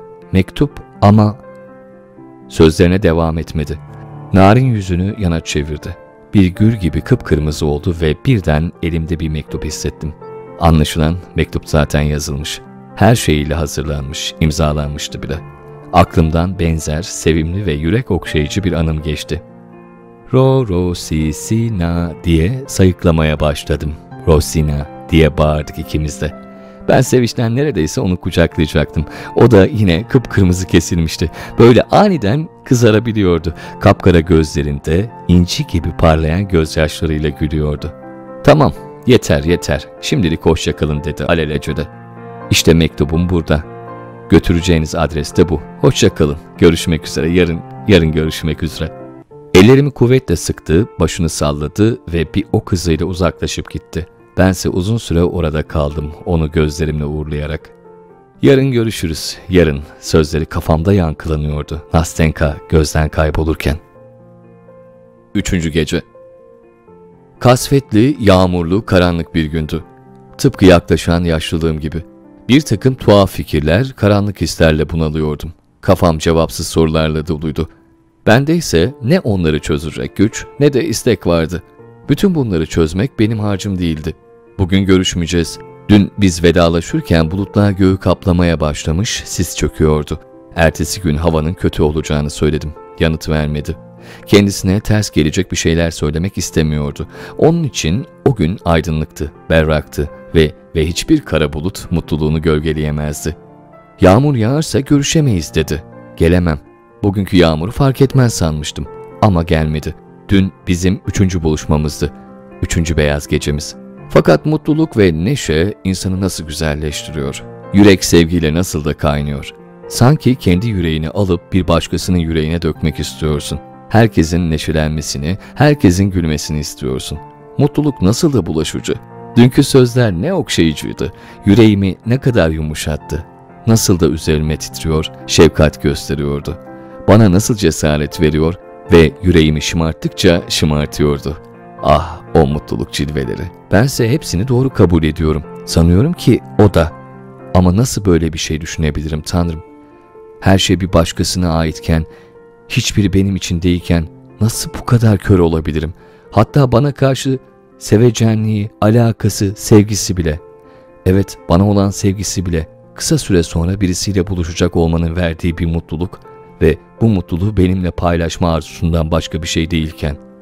Adam gelmeyince bizi boşu boşuna beklerken suratı asılmış, umudu tükenmeye başlamış ve artık vazgeçmişti.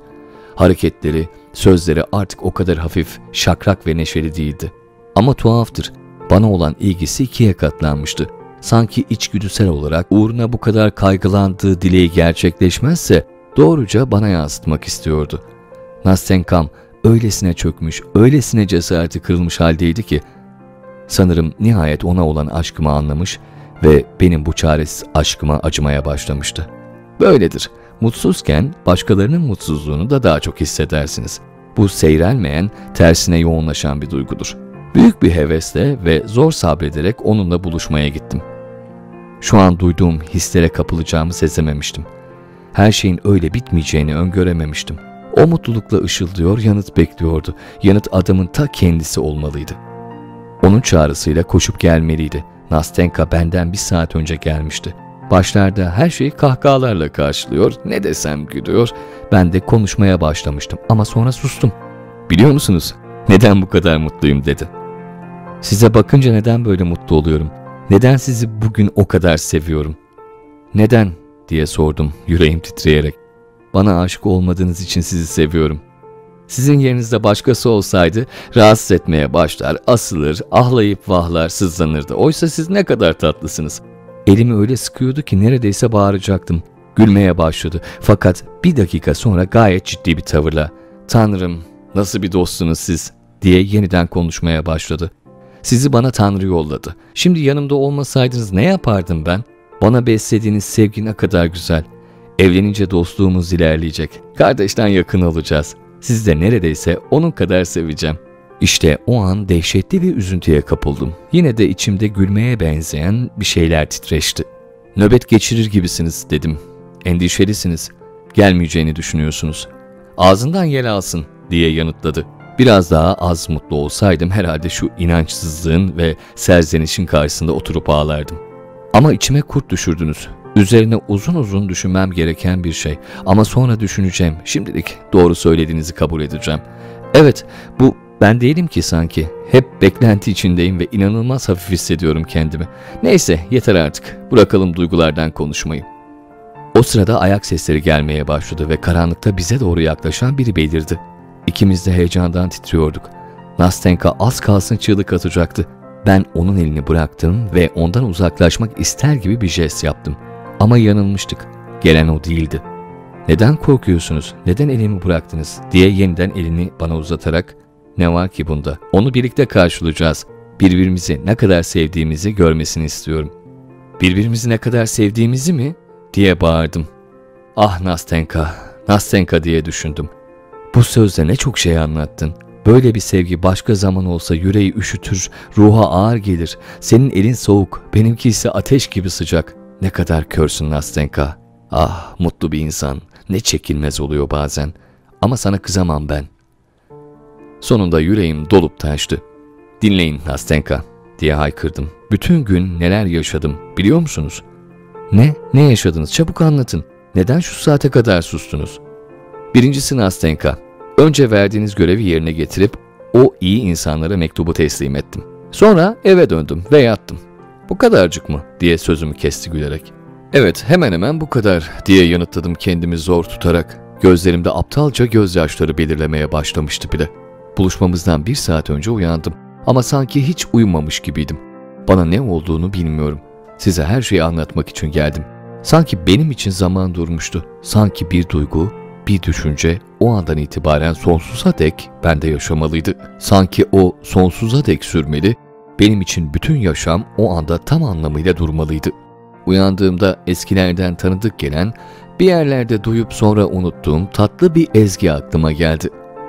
Sanki yaşamım boyunca içimden çıkmak istemeyen bir ezgiymiş gibi. Ah tanrım, tanrım diye araya girdi Nastenka. Ne demek oluyor bunlar? Tek sözcük anlamadım. Ah Nastenka, bu tuhaf duygularımı size bir yolla anlatabilmek isterdim diye başladım. Artık çok çok uzakta olsa da hala biraz umut barındıran üzgün bir ses tonuyla ''Yeter kesin artık lütfen yeter'' dedi. Bir an için anlamıştı herhalde hilebaz. Birden alışmadık ölçüde konuşkan, neşeli, canlı bir hale büründü. Elimi tutmuş gülüyor, benim de gülmemi istiyordu ve çekinerek söylediğim her sözcük onda yüksek perdeden uzun bir kahkahayla yankı buluyordu. Ben sinirlenmeye başlamışken birden oyunlarını kesti. Baksanıza dedi. Bana aşık olmadığınız için bozuldum birazcık. Şimdi gel de çöz şu insanoğlunu. Ama yine de bay burundan kıl aldırmaz. Bu kadar sade biri olduğum için beni takdir etmezlik yapamazsınız. Ne de olsa size her şeyi ama her şeyi kafamdan geçen her türlü saçmalığı söylüyorum. Dinleyin. Saat 11 oldu sanırım değil mi? dedim. Uzaktaki bir çanın muntazam sesi çınlayarak yayılıyordu. Nastenka birden durdu. Gülmeyi kesti ve hesaplamaya başladı. Evet 11 dedi sonunda ürkek, kararsız bir sesle. Onu saate hesaplamaya zorlayıp böyle tedirgin ettiğime hemen pişman oldum. Ve yaşadığım bu öfke parlamasından dolayı kendime lanet ettim. Onun için üzülmüştüm. Kabahatimi nasıl telafi edeceğimi bilemiyordum. Onu teselli etmeye, adamın gelmemesine gerekçeler bulmaya, çeşitli bahaneler, kanıtlar üretmeye çalışıyordum. O an aldatılmaya Nastenka'dan daha müsait bir insan olamazdı. Aslında herkes böyle anlarda en ufak bir teselliyi memnuniyetle dinlemeye, zerre kadar bir mazeretle mutlu olmaya hazırdır. Gülünç bir durum aslında diye başladım. Kanıtlarımın umulmadık berraklığıyla giderek daha da övünüyor, hoşnut oluyordum. Zaten gelmezdi ki. Beni de yanıltıp kafamı öyle karıştırdınız ki Nastenka, zamanı hesap etmeyi bile beceremedim. Bir düşünün, mektup daha yeni eline geçmiş olabilir. Diyelim gelemedi. Diyelim yanıt gönderecek. Ama mektup yarından önce gelmez ki. Yarın gün ağrır ağarmaz oraya uğrar, size de haber veririm. Ayrıca unutmayın ki bin türlü ihtimal var. Belki mektup geldiğinde evde değildir. Belki henüz okuyamamıştır, değil mi? Her şey mümkün. Evet evet, dedi Nastenka. Ben de öyle düşünmüştüm. Elbette her şey mümkün, diye devam etti.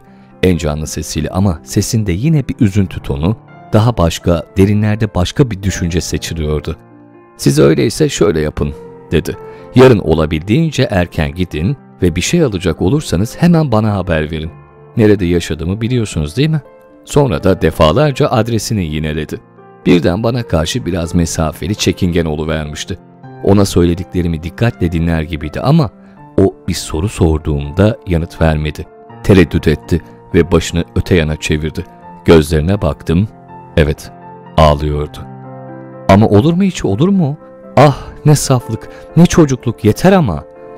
Gülümsemeyi ve sakinleşmeyi denedi. Ama çenesi titriyor, göğsü daha da hızlı inip kalkıyordu. Sizi düşünüyorum dedi kısık bir sessizlikten sonra. O kadar iyi bir insansınız ki bunu hissetmemek için taş yürekli olmak gerek. Biliyor musunuz şimdi aklıma ne geldi? İkinizi kıyasladım. Neden o, siz değil? Neden o da sizin gibi değil? O sizden daha kötü biri ama onu sizden fazla seviyorum. Hiç yanıt vermedim. Sanıyorum bir şey söylememi bekliyordu. Elbette, belki onu tam anlamıyorum, tam tanımıyorum. Biliyor musunuz? Ondan sanki hep korkuyordum. Hep her zaman öyle ciddi, mağrur bir hali vardı ki. Elbette yalnızca görünüşte öyle olduğunu biliyorum. Onun yüreğinde bendekinden daha fazla şefkat var. Anımsıyorum da. Elimde bohçayla yanına çıktığımda anımsıyorsunuz değil mi? Bana nasıl bakıyordu. Ne olursa olsun ona biraz fazla saygı duyuyorum. Bu da eşit olmadığımız anlamına geliyor değil mi? Hayır Nastenka, hayır diye yanıtladım. Bu onu dünyada her şeyden çok sevdiğiniz anlamına geliyor. Hatta kendinizden bile fazla. Tamam diyelim ki öyle diye safça yanıtladı Nastenka. Peki şimdi aklıma ne geldi biliyor musunuz? Şimdi söyleyeceklerim onunla ilgili değil. Daha genel. Bunlar daha önceden aklımdan geçmişti. Söylesenize neden hiçbirimiz birbirimize karşı kardeşe davranmıyoruz? Neden en iyi insanlar bile sanki hep başkalarından bir şeyler gizler, hep susar? Sözlerin yel olup gitmeyeceğine emin olduğun zamanlarda bile neden yüreğinden geçenleri dosdoğru söylemezsin? Herkes olduğundan daha ketum görünüyor. Sanki hemen dile getirirlerse duygularının zedeleneceğinden korkuyorlar. Ah Nastenka, söylediğiniz doğru. Ama bunun da pek çok nedeni var diye sözünü kestim. O anda duygularımı her zamankinden daha zor zapt ediyordum. Hayır hayır diye yanıtladı iştenlikle. Mesela siz başkaları gibi değilsiniz. Doğru, ne hissettiğimi size nasıl söyleyeceğimi bilemiyorum ama bana kalırsa siz mesela şimdi bile benim için kendinizi feda ediyorsunuz. Bence diye ekledi bana utangaç bir ifadeyle bakarak. Yanlış bir şey söylediysem affedin. Ne olsa ben basit bir kızım. Şu dünyada pek bir şey görmedim. Bazen konuşmayı bile beceremiyorum. Bunları söylerken sesi gizli bir duyguyla titriyor ama her şeye rağmen gülümsemek için kendisini zorluyordu. Neyse ben yalnızca size müteşekkir olduğumu, benim de sizin için aynı duyguları beslediğimi söylemek istedim. Tanrı sizi mesut etsin. Hayalperestiniz hakkında bana anlattıklarınızsa hiç doğru değil. Şunu söylemek isterim. Sizinle hiç ilgisi yok. Siz toparlanmayı biliyorsunuz. Aslında anlattığınızdan bütünüyle farklı bir insansınız. Bir gün birine aşık olursanız Tanrı size onunla mutluluklar bahşetsin. Onun içinse bir dileğim yok. Ne de olsa sizinle mutlu olacağı kesin. Bir kadın olarak bundan eminim ve size bunu söylüyorsam bana inanmalısınız. Sözlerini bitirdi ve elimi sıkıca tuttu. Ben de heyecandan tek söz edemiyordum. Böyle birkaç dakika geçti. Eh anlaşılan bugün gelmeyecek dedi sonunda başını kaldırıp. Geç oldu. Yarın gelir dedim. En kendinden emin, en ikna edici ses tonumla. Evet dedi neşelenerek. Şimdi ben de yarın geleceğini düşünüyorum. Eh hoşça kalın öyleyse. Yarın görüşürüz. Yağmur yağarsa gelemeyebilirim ama öbür gün gelirim. Ne olursa olsun mutlaka gelirim. Siz de mutlaka burada olun. Sizi görmek istiyorum. Size her şeyi anlatacağım. Daha sonra vedalaşırken bana elini verdi ve dost doğru gözlerime bakarak Öyleyse artık sonsuza dek birlikteyiz. Doğru değil mi? Ah Nastenka, Nastenka şu an ne kadar yalnız olduğumu bir bilsen. Saat 9'u geçtiğinde artık odada duramaz olmuştum. Giyindim ve bozuk havaya rağmen dışarı çıktım.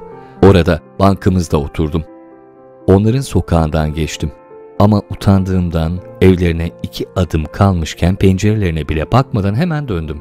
Eve içimde daha önce hiç hissetmediğim bir sıkıntıyla döndüm. Havada ne rutubetli ne kasvetliydi. Eğer hava güzel olsaydı bütün gece dolaşırdım. Ama yarın görüşürüz dedi. Yarın, yarın bana her şeyi anlatacak. Ne var ki bugün mektup gelmedi.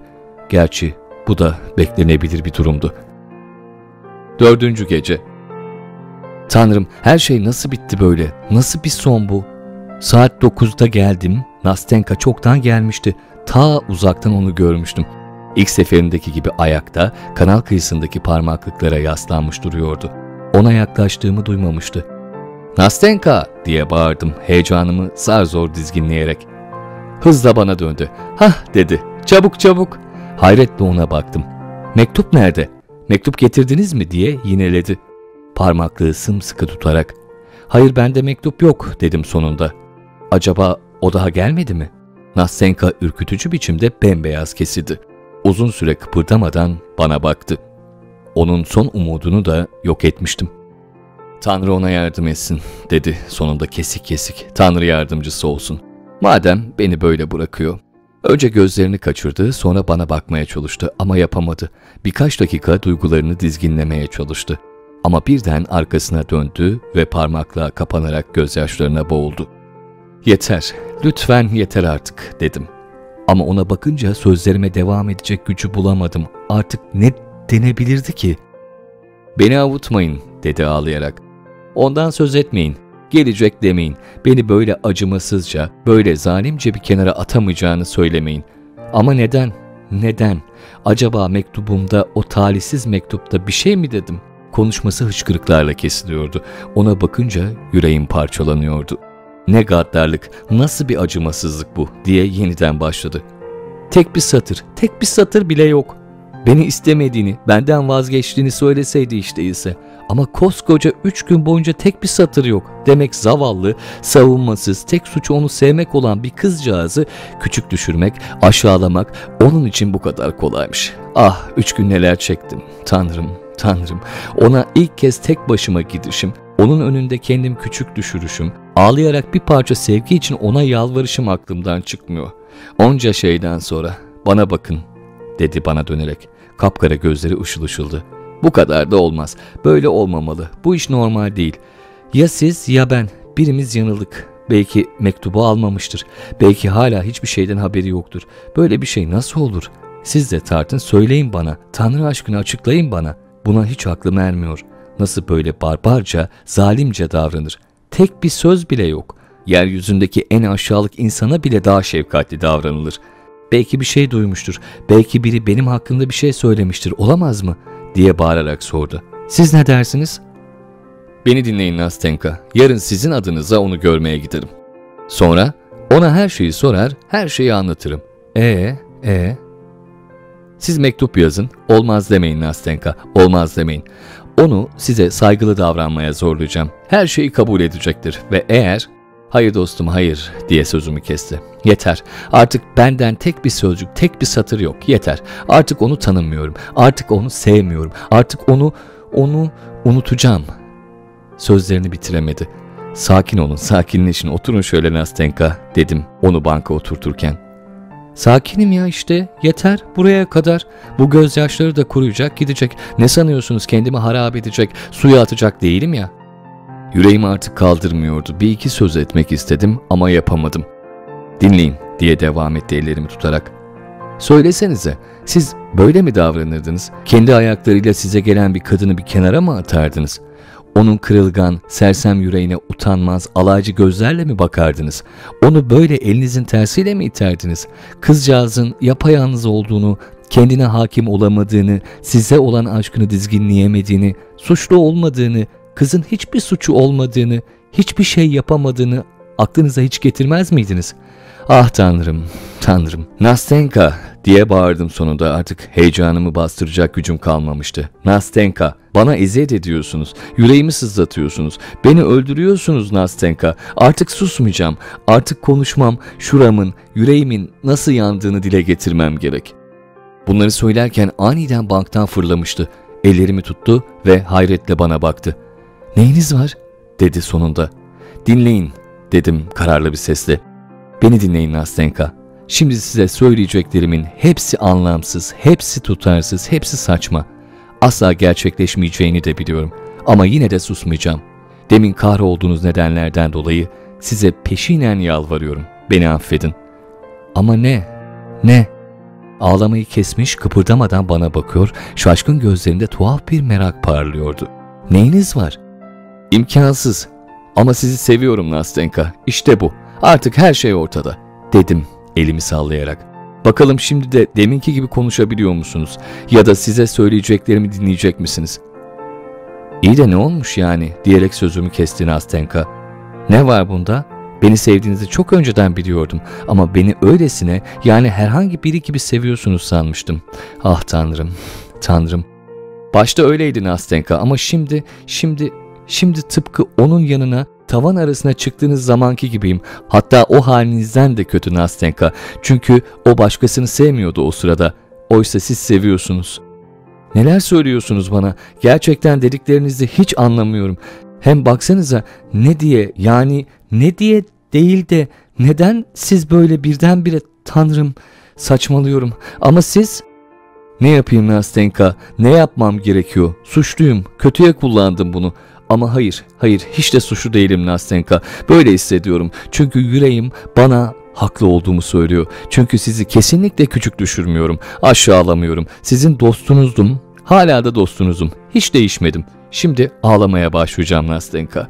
Bırakın gözyaşlarım dökülsün, dökülsünler. Kimseye bir zararları olmaz. Onlar da kuruyup giderler Nastenka. Oturun şöyle oturun dedi beni banka çekerek. Ah tanrım. Hayır oturmayacağım Nastenka. Artık burada duramam. Bundan sonra beni göremeyeceksiniz. Size her şeyi anlatıp gideceğim. Yalnız şunu söylemek isterim. Size aşkımı hiç öğrenemeyebilirdiniz. Sırrımı saklayabilirdim. Size bencilliğimle böyle eziyet etmeyebilirdim. Hayır ama daha fazla dayanamadım. Bunu bana siz söylettiniz. Kabahat sizde. Her şeyin suçlusu sizsiniz, ben değil. Beni yanınızdan kovamazsınız. Hayır sizi kovmayacağım. Öyle şey olmaz, dedi Nastenka. Zavallıcık utancını elinden geldiğince saklamaya çalışıyordu. Beni kovmuyor musunuz? Olmaz. Aslında ben sizden kaçmak istedim. Gidiyorum da. Ama önce her şeyi söyleyeceğim. Siz burada konuşurken ben kılımı kıpırdatmadan duramazdım. Siz burada ağlarken geri çevrildiğiniz için, aşkınıza karşılık verilmediği için acılar çekerken ben yüreğimde size nasıl bir aşk duyuyordum. Hem de nasıl bir aşk Nastenka. Ve size aşkınızda yardım edememek bana giderek daha fazla acı vermeye başlamıştı. Yüreğim parçalanıyordu ve ben, ben susamadım işte.'' Konuşmalıydım Nastenka. Konuşmalıydım. Evet evet konuşun benimle böyle konuşun dedi Nastenka anlaşılmaz hareketlerle. Belki sizinle böyle konuşmam tuhafınıza gidiyor ama konuşun. Sonra da ben konuşacağım. Her şeyi anlatacağım ben de. Benim için üzülüyorsun Nastenka. Bana sadece acıyorsunuz sevgili dostum. Artık olan oldu. Söz ağızdan çıktı bir kere. Öyle değil mi? Artık her şeyi biliyorsunuz. İşte başlangıç noktası. Peki öyle olsun. Artık her şey çok güzel. Yalnız dinleyin. Siz oturmuş ağlarken kendi kendime düşündüm. Düşündüm ve düşündüm de siz belki de tamamen başka bir nedenle artık onu sevmiyorsunuzdur. Öyleyse belki beni sevmenizi sağlayabilirdim. Evet kesinlikle yapabilirdim bunu. Hem kendiniz dediniz ya, beni artık neredeyse sevdiğinizi siz söylediniz Nastenka. Başka ne vardı? Eh söylemek istediklerim hemen hemen bunlardı. Bir de beni sevdiyseniz neler olacağı. İşte hepsi bu kadar. Başka bir şey yok.'' Dinleyin sevgili dostum. Ne de olsa hala benim dostumsunuz. Ben elbette sıradan, yoksul, önemsiz biriyim. Ama bunun bir önemi yok.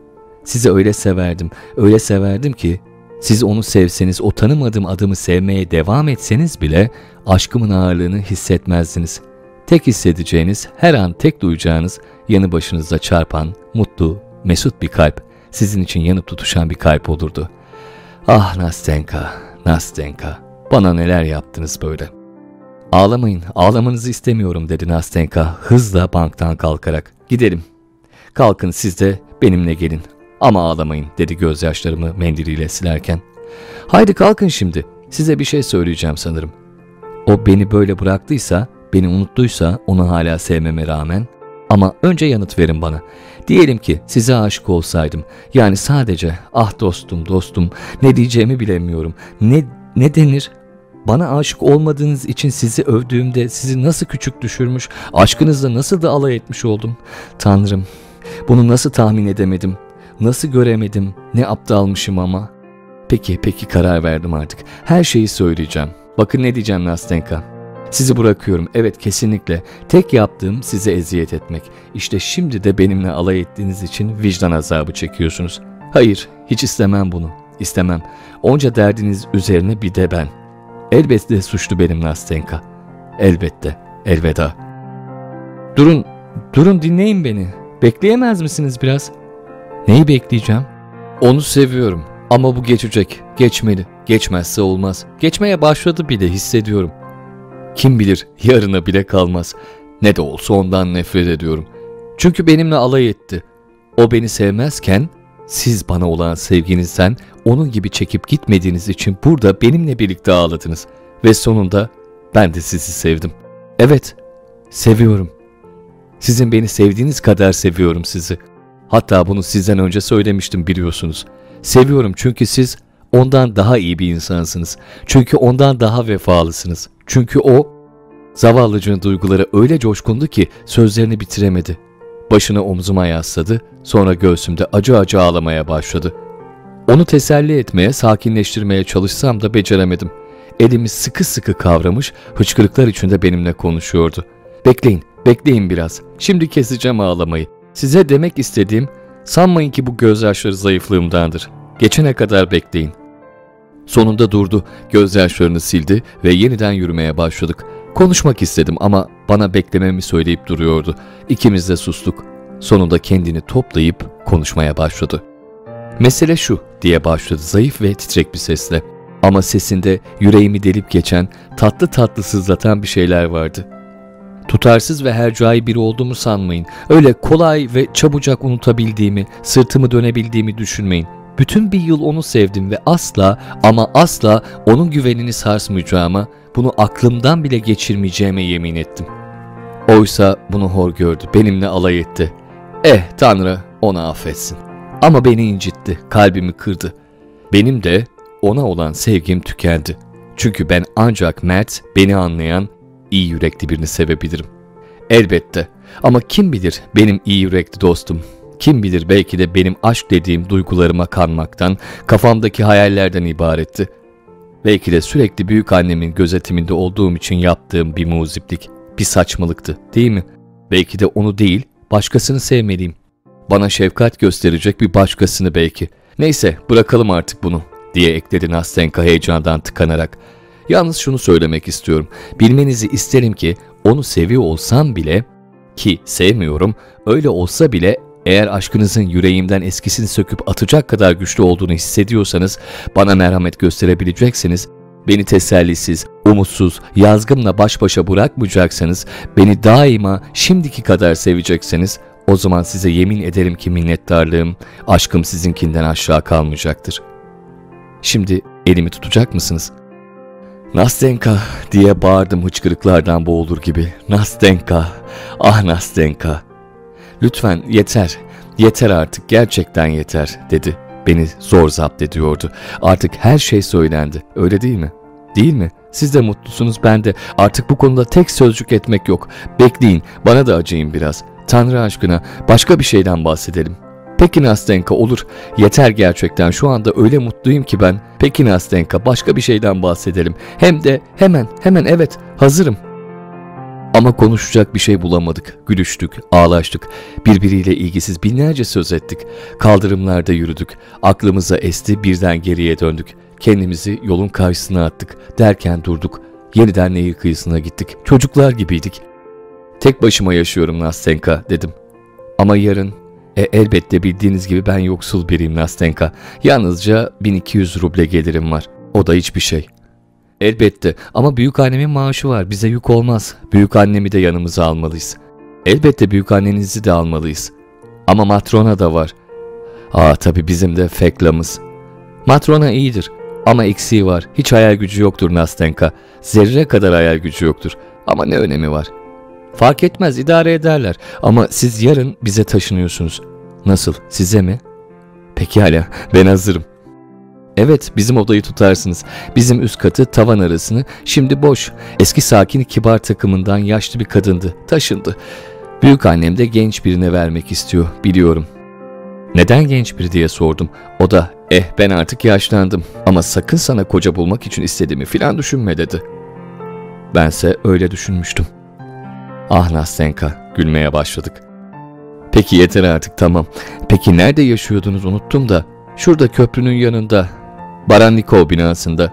O büyük evde mi? Evet o büyük evde. Ah biliyorum çok güzel bir binadır. Ama artık onu bırakacak en kısa zamanda bize taşınacaksınız. Hemen yarın Nastenka, hemen yarın. Biraz kira borcum var ama önemli değil. Yakında maaşımı alacağım. Biliyor musunuz belki ben de ders vermeye başlarım. Kendim öğrenir sonra ders veririm. Harika olur. Yakında ikramiye de alacağım Nastenka. Öyleyse yarın kiracımız oluyorsunuz.